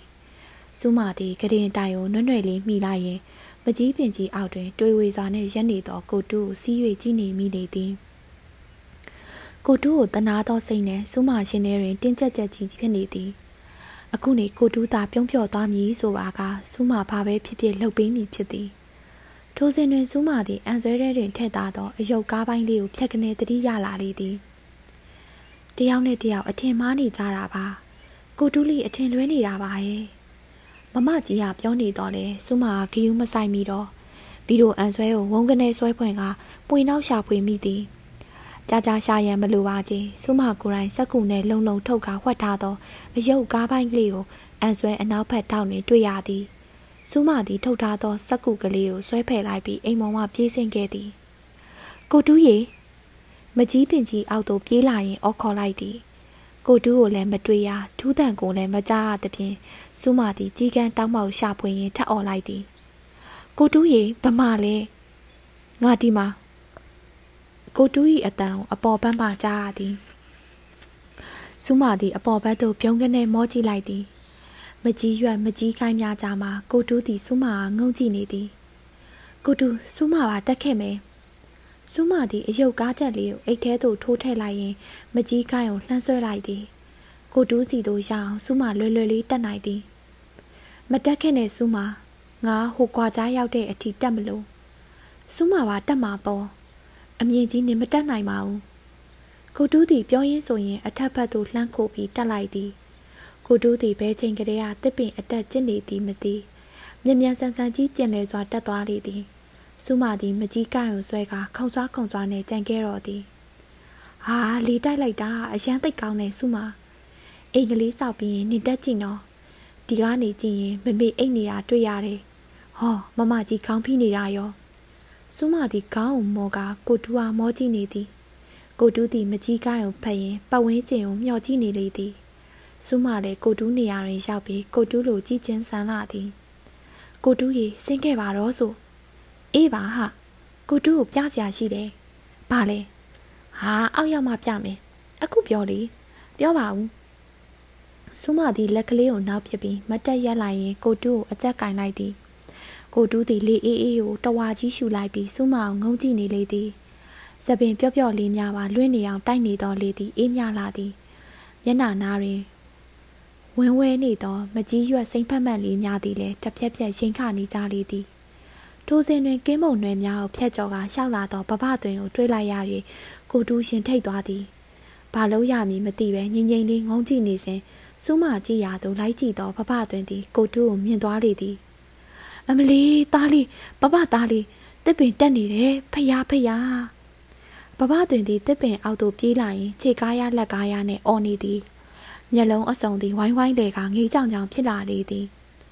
သားလေးကိုငယ်ဆင်းခဲ့ပါသားရဲ့မြ мян ဆင်းခဲ့ပါလာပြီပပအေးပပ ကိုတူးတစ်ပင်တက်တီကိုသာတွေ့ပါကယူနေသောပပတွင်သည်တခါတည်းတော်တော်ခါသွားလိမ့်မည်ဟုជីជីနဲ့ကိုကိုအောင်နိုးကပြောဖို့သည်ကိုတတိယသဖြင့်ကိုတူးမျက်လုံးလေးပြူးသွားသည်ထို့ကြောင့်ကမန်းကနန်းဆင်းမိလေသည်သူ့ကိုချက်လာသောဘဘတွေတယောက်ဒီထက်ထိယူသွားမည်ဟုကကိုတူးစိုးရိမ်မိသည်အရင်လိုနေသဖြင့်ကိုတူး၏ခြေထောက်သည်ကောင်းစွာမကုံမိပဲချောကနေရောသွားလေသည်ထို့ကြောင့်လက်ကလည်းဖမ်းကိုက်ပြီးတစ်ကိုင်းကိုအမိရမဖမ်းမိပဲလွတ်ထွက်သွားသည် ကိုတူး၏ရင်ထဲမှာအေးကနေဖြစ်သွားသည်တစ်ကိုင်းတစ်ခတ်တို့သည် သူ့ကိုအရှိန်ပြင်းပြင်းလာပြီးရိုက်ခတ်နေကြသည်ကိုသိလိုက်ရသည်အာကိုတူးကိုတူးရဲ့စူးမသည်စူးစူးဝါးဝါအွန်လိုင်းမိလေသည်တစ်ပင်ပေါ်မှာခြေလွတ်လက်လွတ်ကျလာသောကိုတူးတယောက်မြေပြင်နဲ့ရိုက်ခတ်သွားသည်ကိုမျက်လုံးလေးအပြူသားနဲ့ကြည့်နေသည်ဝုန်းကနေမြည်သွားသောအတန်သည်စူးမ၏နားထဲမှနေပြီးမျက်လုံးအိမ်ထဲအထိကြဲကြဲလောင်လောင်ကြီးပြေးလွှားသွားလေသည်ဟာကိုငယ်သားလေးရဲ့ ဘဘတွင်သည်မျက်လုံးဝိုင်းဝဲဝဲဝိုင်းဝိုင်းလေကြီးနဲ့နှစ်ဖူးပြင်မှာချွေးပေါက်ကြီးများစီရီရီတီးလာလေသည်ထို့နောက်မတ်တက်မှတတိမေ့သွားသလိုစိုက်လဲသွားသည်အခြေနေရမြန်ဆန်လွန်းသည်စူးမလုံးဝမမျော်နေလွန်ခဲ့သောမိနစ်ပိုင်းအတွင်းကမူတစ်ပင်ပေါ်မှပြုံးနေသောကိုတူသည်ရကူအခါတစ်ပင်အောက်တွင်ခွေလဲလျက်ရှိကြသည်အမလီလှုပ်ကြပါအောင်ကိုတူကိုတူလေးမမေရေးဖေဖေရဲ့လာကြပါအောင်ကြည့်ပါအောင်အော်ကိုတူ စူးမကြီးနားထဲတွင်ရိုက်ခတ်နေသောအတန်များဆင့်ကဲဝင်ရောက်လာသည်သို့တော်လည်းဘာကူမှတိတိကျကျမကြားအောင်နားထဲတွင်စီဝေကဆူဆူညံသွားသည်မျက်လုံးများပြဝေနေတော့လဲခွေခွေလေးလဲနေတော့ကိုတူကကွက်ကွက်လေးမြင်နေရလေသည်ကိုတူးသည်မြေပြင်ကျဲကိုပါးနဲ့အ၍ညင်သက်စွာလဲနေသည်သူ့မျက်နာလေးသည်နှစ်ချိုက်စွာအိတ်နေသူလိုအေးချမ်းနေလေသည် ကိုတူး၏မျက်တောင်ရှိများသည်ဖြင်းညင်းစွာလှုပ်ရှားလာသည်မျက်ခွန်လေးများကိုလေးလံစွာပင့်တင်ရင်တဲ့တဲ့ကြီးငေးကြည့်နေသည်အသိဉာဏ်များကိုစူးစီးနေဟန်ရှိတော်လဲမျက်လုံးညိုလေးများရှိဝေနေသည်။ဒါကိုတူတတိယပြီလားဖေဖေကစွန့်နေသောအတန်နဲ့မေးလိုက်သည်ဖေဖေအတန်ကြားသောအခါကိုတူး၏မျက်တောင်များတစ်ဖြက်ဖြက်လှုပ်ရှားပြီးမျက်လုံးလေးရအယောင်တောက်လာလေသည်ဒါဒါလေးတတိယလာပြီလား ဒါရီမမေလေးမမေခေါ်နေရဲ့ကြားရမဟုတ်လားမမေလားကိုတူးကတိုးတိုးလေးမေးလိုက်သည်မမေကိုလှမ်းကြည့်နေသောမျက်လုံးလေးများသည်ကြည်လင်နေသည်ကတင်ချင်ရင်တွင်တောင်းတောင်းနေရက်နေသောစူးမသည်လည်းရှင်ထဲမှအလုံးကြီးကျသွားသလိုတတ်တာလာလေသည်ကိုတူတတိယလာပြီဖြစ်သည်ဖြင့်မသေးနိုင်တော့ဟုတထိချယူဆပြီးအားတက်နေမိသည်တန်ကရင်တိုင်လေးများကိုတင်းတင်းကြပ်ကြပ်စောက်ကင်ရင်ကိုတူကိုမျက်တောင်မခတ်ပဲစူးစိုက်ကြည့်နေမိသည် တကိုယ်လုံးပတ်တီးဖြူဖြူနဲ့ခေါင်းမမကြမ်းမင်းသားခေါင်းပေါင်းလိုပတ်တီးပေါင်းထားရသောကိုတူကိုကြည့်ရင်ယခုမှစိတ်လက်ပေါ်ပါစကြင်နောက်ကျင်သောစိတ်ကလေးများဝင်လာလေသည်ကိုတူး၏နှာခေါင်းတွင်တက်ထားသောပိုက်များနှင့်ခေါင်းရင်းမှအောက်ဆီဂျင်ဘူးကြီးကိုလည်းမျက်စိနောက်လာလေသည်။တားရဲ့မမေချစ်တဲ့သားလေးတားအောင်မမေတိတ်ပြီးချစ်ပါတယ်ချစ်ပါတယ်ကွယ်မမုန်းပါဘူး။တားကိုတူးမမေကိုစိတ်နာနေတယ်ဆို ခင်ရဲ့တားနေမကောင်းတော့ဘာမှတိတ်မပြောပါနဲ့哦ဒီမှာဖေဖေကိုကြည်စမ်းသားဖေဖေရောမေမေရောတားဟောက်တိတ်ပြီးချစ်တယ်ဆိုတာတခုတည်းပဲစိတ်ထဲဆွဲထားနော်တားစိတ်မကောင်းစရာတွေမတွေးနဲ့တော့ဟုတ်လားကိုတူးတီသူ့အပေါ်မှာစီးပြီးအုံမိုးကပြောနေတော့ဖေဖေနဲ့မေမေကိုမောကြည့်ရင်မျက်ရည်များစိတ်ဝဲလာသည်ဖေဖေရိုက်စင်ကမူရုပ်ကြီးမငိုတော့ကိုတူး၏မျက်လုံးအိမ်တွင်မှမျက်ရည်များသည်စိတ်မီစီးကြလာလေသည် သို့တော်လည်းနှကန်းလေးတုံရီကမျက်နှာလေးကတော့ပြုံးနေသည်ကိုတူးသည်ငိုရင်းပြုံးနေလေသည်ထိုစဉ်တွင်ဖဖေနာသို့ဆရာဝန်ကြီးတူကကတ်လာပြီးတီတိုပြောလိုက်သည်ဖဖေမျက်နာသည်ခွက်ကနေပြတ်သွားသည်အခန်းပြင်ဘက်သို့ထွက်သွားလေသည်ဖေဖေနှင့်အတူအင်ကြီးရှိပြူပြူကြီးများဝစ်ဆင်ထားသောဆရာဝန်ကြီးများသည်ခေါင်းချင်းဆိုင်ကတမ်းမှန်ချက်များကိုကြည့်ရှုနေကြလေသည်စူမာယောကိုတူးကတိုးတိုးလေးမေးသည်စူမာသည်ကတင်ချေရင်မှနေပြီး ကတင်ဘေးသို့အပြေးကလေးကွေကရှောက်လာသည် ကိုတူး၏လက်ချောင်းလေးများကိုတင်းတင်းဆုပ်လိုက်မိသည်ရုတ်တရက်မှစူးမလန့်သွားသည်ကိုတူး၏လက်ချောင်းလေးများသည်ရေခဲတက်မြအေးဆက်နေလေသည်စူးမစူးမရှိရဲ့ကိုတူးမမေကငါ့ကိုချစ်တယ်တဲ့အင်းဖေဖေကလည်းငါ့ကိုချစ်တယ်တဲ့အင်းဖေဖေရောမေမေရောငါ့ကိုချစ်တယ်တဲ့ချစ်ပါတယ်သားရဲ့တိတ်ချစ်ပါတယ် မေမေဒီကိုတူးဤပါးပြင်လေးကိုဖွားဖွားလေးရှိုင်နှန်းကအားမလို့အားမရပြောလေသည်ကိုတူး၏မျက်နှာလေးသည်ပြုံးသည့်ထက်ပြုံးလာလေသည်သို့တော်အပြုံးလေးကအယောင်မတောက်ပဲဖြူရော်နေသည်ကိုတူးမျက်နှာလေးဖြူရော်ကသွေးဆုံနေသောကြောင့်ထင်သည်ထိုစဉ်ကိုကိုအောင်သည်အခန်းထဲသို့ပြေးဝင်လာသည်အိယာပေါ်မှာကိုတူးကိုကြည့်ပြီးမျက်နှာညှိုသွားလေသည်ခေါင်းထိသွားတယ်တိတ်ဆိတ်မချဘူးမမကြီးကခက်တိုးတိုးလေးလှမ်းပြောလိုက်သည် ကိုကိုအောင်ဒီကိုတူးကိုငိုက်ကြည့်နေပြီးမှပပတွင်တယောက်အဖြစ်ဟောင်းများကိုပြန်လဲတတိယကစိတ်ကောင်းဝင်လာကြောင်းပြောသည်ပပတွင်အကြောင်းကြားသောအခါကိုတူးသည်လည်းဝမ်းသာသွားပုံရလေသည်ဆုမကြီးอืมငါနေကောင်းမှလင်းစင်စောက်မယ်နော်ပပတွင်ကိုလည်းကူဆောက်ခိုင်းတာပေါ့ဒန်းလေးပါဆင်ပေးပါလားကိုတူးရအေးကိုတူးတားလေးစကားသိမ့်မပြောနဲ့နော်မောနေမယ်ဖ မမေသည်ကိုတူး၏လဲပင်ကိုတိုင်းဖက်ကဆိုးဆိုးနှင်းနှင်းပြောသည်မမေစပင်မှာအုံးစီနံမွေးပြန့်ပြန့်ကိုရှူရှာရင်ကိုတူးသည်ကြည်နူးစွာပြုံးနေမိသည်စိတ်ကူးကဘာထဲတွင် သူစိတ်ဆွဲလန်းလှသောလင်းစင်အိမ်ကလေးကိုအပီးဆောင်နေလေသည်စိတ်ကူးထဲတွင်ပြင်းပြားလေးများကိုလွှမ်းနေတိုက်တူနေရိုက်နေသောကြောင့်ပြီးလာတော့မသိကိုတူးသည်နွမ်းဟိုက်ဟိုက်ဖြစ်လာလေသည် မောလာလေသည်ဆူမကိုတူးကလေးတန်တဲတဲလေးနဲ့ခေါ်သည် ဆူမသည်ကိုတူး၏လက်ပြားအေးအေးလေးများကိုတင်းတင်းဆောက်ရင်ထူလိုက်သည်နင်ဘယ်ထွက်သွားတာလဲဘယ်မှမသွားပါဘူးကိုတူးရဲ့ဆူမရှိပါတယ်နင်ကငါမတွေ့ဘူးကိုတူးသည်မျက်လုံးကိုခိတများမှိတ်လိုက်ပြီးအသက်ကိုမြှင့်ရှူနေသည်ကိုတူး၏မျက်နှာလေးကိုတရှိုက်မမတ်စိုက်ကြည့်နေသောမမေသည်အသက်မှရှူရဲ့လားဟုဆူမစဉ်းစားနေမိသည်ကိုတူး၏နှစ်ဖူးကိုဖွားဖွားလေးစမ်းနေသောလက်ချောင်းလေးများမှအပါ မမေတကူလုံးကြောက်ရွံ့လိုငြိမ်သက်နေသည်ကိုတူးသည်အတန်ကြာငြိမ်နေပြီးမှမျက်တောင်ရှင်များကိုပင်ကမမေကိုစိုက်ကြည့်နေလေသည်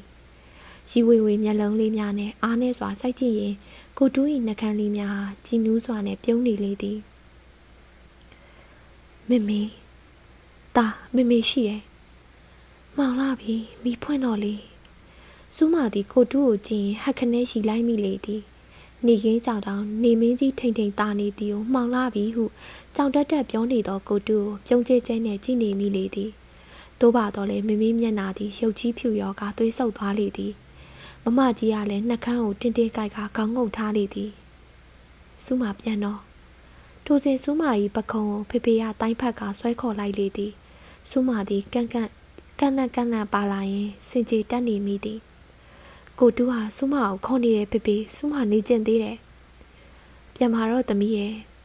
ဖေဖေအတန်သည်ကြေကွဲမှုရောရှက်ကတုံရင်နေသည်စူးမသည်ကိုဖိုးထွေး၏နောက်သုံးမကြေမနှက်နဲ့ပါလာလေသည်အားလုံးကနေရက်ပြီးစူးမတူရဲပြန်လို့လိုက်သည်ကိုလုံးဝမကျိနဲ့ပဲနှကန်းလေးဆူနေသည်ကားကအိမ်နဲ့နီးလာသောအခါမှာစူးမသည်တာတီးလေးကိုအမှတ်ရလာတော့သည်အိမ်ရှိလူကုန်ဆေးရုံသို့ရောက်နေသဖြင့်တာတီးလေးတူတဲ့ဒေါ်ကြီးတက်ကိုအဖော်ပြုတ်ရင်နေခဲ့ရရှာသည် သူကံများခွေလဲနေသောကိုတူးစီသို့အတင်းပြေးဆင်းလာသေးသည်ကိုဘိုးတွေ့ရလန်ခုလက်မှဖမ်းခေါ်ပြီးအိမ်ပေါ်ပြန်တင်သွား၍ငိုမဲမဲနဲ့ကြံခဲ့ရလေသည်အိမ်ပေါ်သို့အပြေးတက်လာသောစူးမကိုတာတီလေးသည်လေကားထိပ်မှစီးချိုနေလေသည်မမစုတူတူတူးရောစေးရုံမှာအနာသွေးတွေတိတ်ရင်ရဲ့လားဟင်မနာပါဘူးပြောက်မှာပါစူးမသည်တာတီလေးကိုဖက်ကအခန်းထဲသို့ခေါ်လာခဲ့သည် နနက်စာမစားရသေးတော့လဲလုံးဝစားကျင်စိတ်မရှိချေစပွဲပေါ်ရှိရေတကောင်းထဲမှာရေကိုတာတဝါကြီးတောက်ချလိုက်မိသည်ထို့နောက်စိတ်မောလူမောနဲ့အိယာပေါ်သို့လှဲချလိုက်သည်တာကုနာကပြင်းလိုက်တာอืมတိုတိုသူ့ကိုတားလဲကြည့်ကျင်တာပေါ့อืมတိုတိုသူဘယ်တော့ပြန်လာမှာလဲอืมစူးမာသည်မိကနေအိပ်ပျော်သွားသည် အိမ်မက်ထဲတွင်လုံးဝနေကောင်းနေပြီဖြစ်သောကိုတူးနှင့်လှိုက်တန်းပြေးတန်းကစားနေလေသည်စူးမာအားကိုတူအားမိလူမိခင်လက်တန့်ရှင်နဲ့ဖြန့်ကနေရိုက်တော်မူပြုစဉ်ရှင်ထဲမှလက်ခနဲဖြစ်ပြီးလက်နိုးလာသည်အပြင်တွင်တကယ်ပင်ပြေးလွှားကစားနေရသလိုစူးမာသည်မောဟိုက်ဟိုက်လေးဖြစ်နေသည်ဘာစကားမှမပြောဖြစ်ပဲသူ့ဘေးတွင်ငုတ်တုတ်လေးထိုင်နေသောတာတီးလေးကိုငေးကြည့်နေမိသည်တာတီးလေးသည်စူးမာကိုကြောပြီးအယုတ်ကားချက်လေးများကိုဆက်နေသည် ကားချက်ထဲမှဖြူနီဝါပြပန်းခွင့်ကလေးများသည်ပွင့်နေစေခွေးကလေးနှင့်ကောင်မလေးတို့သည်လည်းပြေးလွှားဆောက်ကစားနေကြဆဲဖြစ်သည်တဖြည်းဖြည်းရုံလုံးပေါ်လာသောအယုတ်ကားကလေးကိုစူးမသည်တွေ့တွေ့ဝေဝေလေးနဲ့ငေးကြည့်ရင်အိတ်ထဲမှအယုတ်ကားပိုင်းလေးကိုစမ်းကြည့်လိုက်မိသည်ကိုတူးကိုကောင်းမလေးကောင်းတစ်ချက်မပဲ့တော့သည့်အကြောင်းမပြောခဲ့ရ၍စူးမစိတ်မကောင်းဖြစ်သွားသည်မနှက်ကြရင်ပြောပြအောင်ပြောမြည်ဟုတွေးရင်ကွက်လက်လေးဖြစ်နေသောနေရာကိုဖြည့်လိုက်သည်။ အော်လှသွားပြီတိတ်လှသွားပြီ။တာတီးလေးကလက်ခုပ်လက်ဝါးလေးတီးဟာအော်ဟစ်နေသည်။စူးမသည်ပြေးဆောင်သွားသောအယုတ်ကားလေးကိုကြည့်ရင်ကျေနပ်စွာနဲ့ပြုံးလိုက်မိသည်။ထိုစဉ်လေးကန်သောခြေတံများကိုကြားရသည်။မမေဖြစ်သည်ဘယ်ချိန်ကပြန်ရောက်လာသည်မသိရ။တကားဝတွင်ရက်ပြီးစူးမတို့ဟာခငင်းငင်းလေးကြည့်နေသည်။မမေနောက်ကရင်ရက်နေသောဖေဖေသည်လည်းရုပ်ကြီးပင်အိုစာသွားဟန်ရှိလေသည်။တူတူသူ့ရောက်မမေ တာတီးလေးကမေးလိုက်တော့အခါမေမေသည်စက်ကနေတုံရီသွားလေသည်တကားပောင်တင်းတင်းဆုပ်ကရင်တတိလစ်သွားသူလိုပြူးကြောင်ကြောင်လေးငေးကြည့်နေသည်မေမေမျက်နာသည်ဖြူလျော်ပြီးမေမျက်လုံးများသည်လည်းရီဝေးလာလေသည်စူးမာသည်အယုတ်ကားကြိုက်လေးကိုသာငေးကြည့်ရင်နောက်တနေ့ကိုတီးဦးစီကိုသွားရင်ပြောရမည့်အကြောင်းများကိုစဉ်းစားနေသည်ဘဘအသွင်နဲ့သွားတွေ့ပြီးသူ့တည်င်းကိုကိုတူးစီကိုပို့ရမည်ဒေါ်ကြီးတက်မျက်ရည်ကြာကြောင်းနဲ့ပြောရမည် အရေးကြီးဆုံးကအယုတ်ကားလေးတွင်ကွက်လက်မရှိတော့သည့်အကြောင်းထို့သောသားဆိုရင်ကိုတူးကလည်းပြန်ပြောမိဖြစ်သည်မမေတို့၏မြတ်တာကိုသိရှိပြီးဖြစ်၍သူ့ရင်ထဲမှာလည်းကွက်လက်ကြီးမရှိတော့သည့်အကြောင်းစူးမတူးတဲ့သားကြောင့်တူတိုးလေးပြောလိမ့်မည်တင်သည်တူတိုသူအိပ်ပျော်နေလားမမေတာတီးလေးကထက်ဆင့်မေးလိုက်ခြင်းတွင်မမကြီးအခန်းမှာကြိတ်ပြီးရှိုက်နေသောရှိုက်တန်လေးကလွင့်ထွက်လာလေသည် ဖေဖေသည်မမေပခုံးတင်းတင်းကြီးဖက်ကချီချီခွဲခွဲနဲ့ပြောလိုက်သည်ဟုတ်ပါတယ်တားရဲ့တားရဲ့ကိုကိုတူအိပ်ပျော်နေလေရဲ့အိမ်မောကြနေလေရဲ့မဆန္နာဆီယမာကြီးမဆန္နာရှိသားထားတဲ့ကွက်လက်ကလေးဖြည့်ပေးပါဆိုတဲ့စာအုပ်ကလေးကိုအစာအဆုံးဖတ်ပြလို့ပြီးပါပြီရှင်။နားထောင်ပေးပါသောစာဖတ်ပရိသတ်တယောက်ချင်းစီကိုကျေးဇူးထူးပဲတင်ရှိပါတယ်။ စာဖတ်ပရိသတ်များအားလုံးကျမ်းမာချမ်းသာ၍ပြည့်ရန်တည်းများကင်းရှင်းကြပါစေရှင်။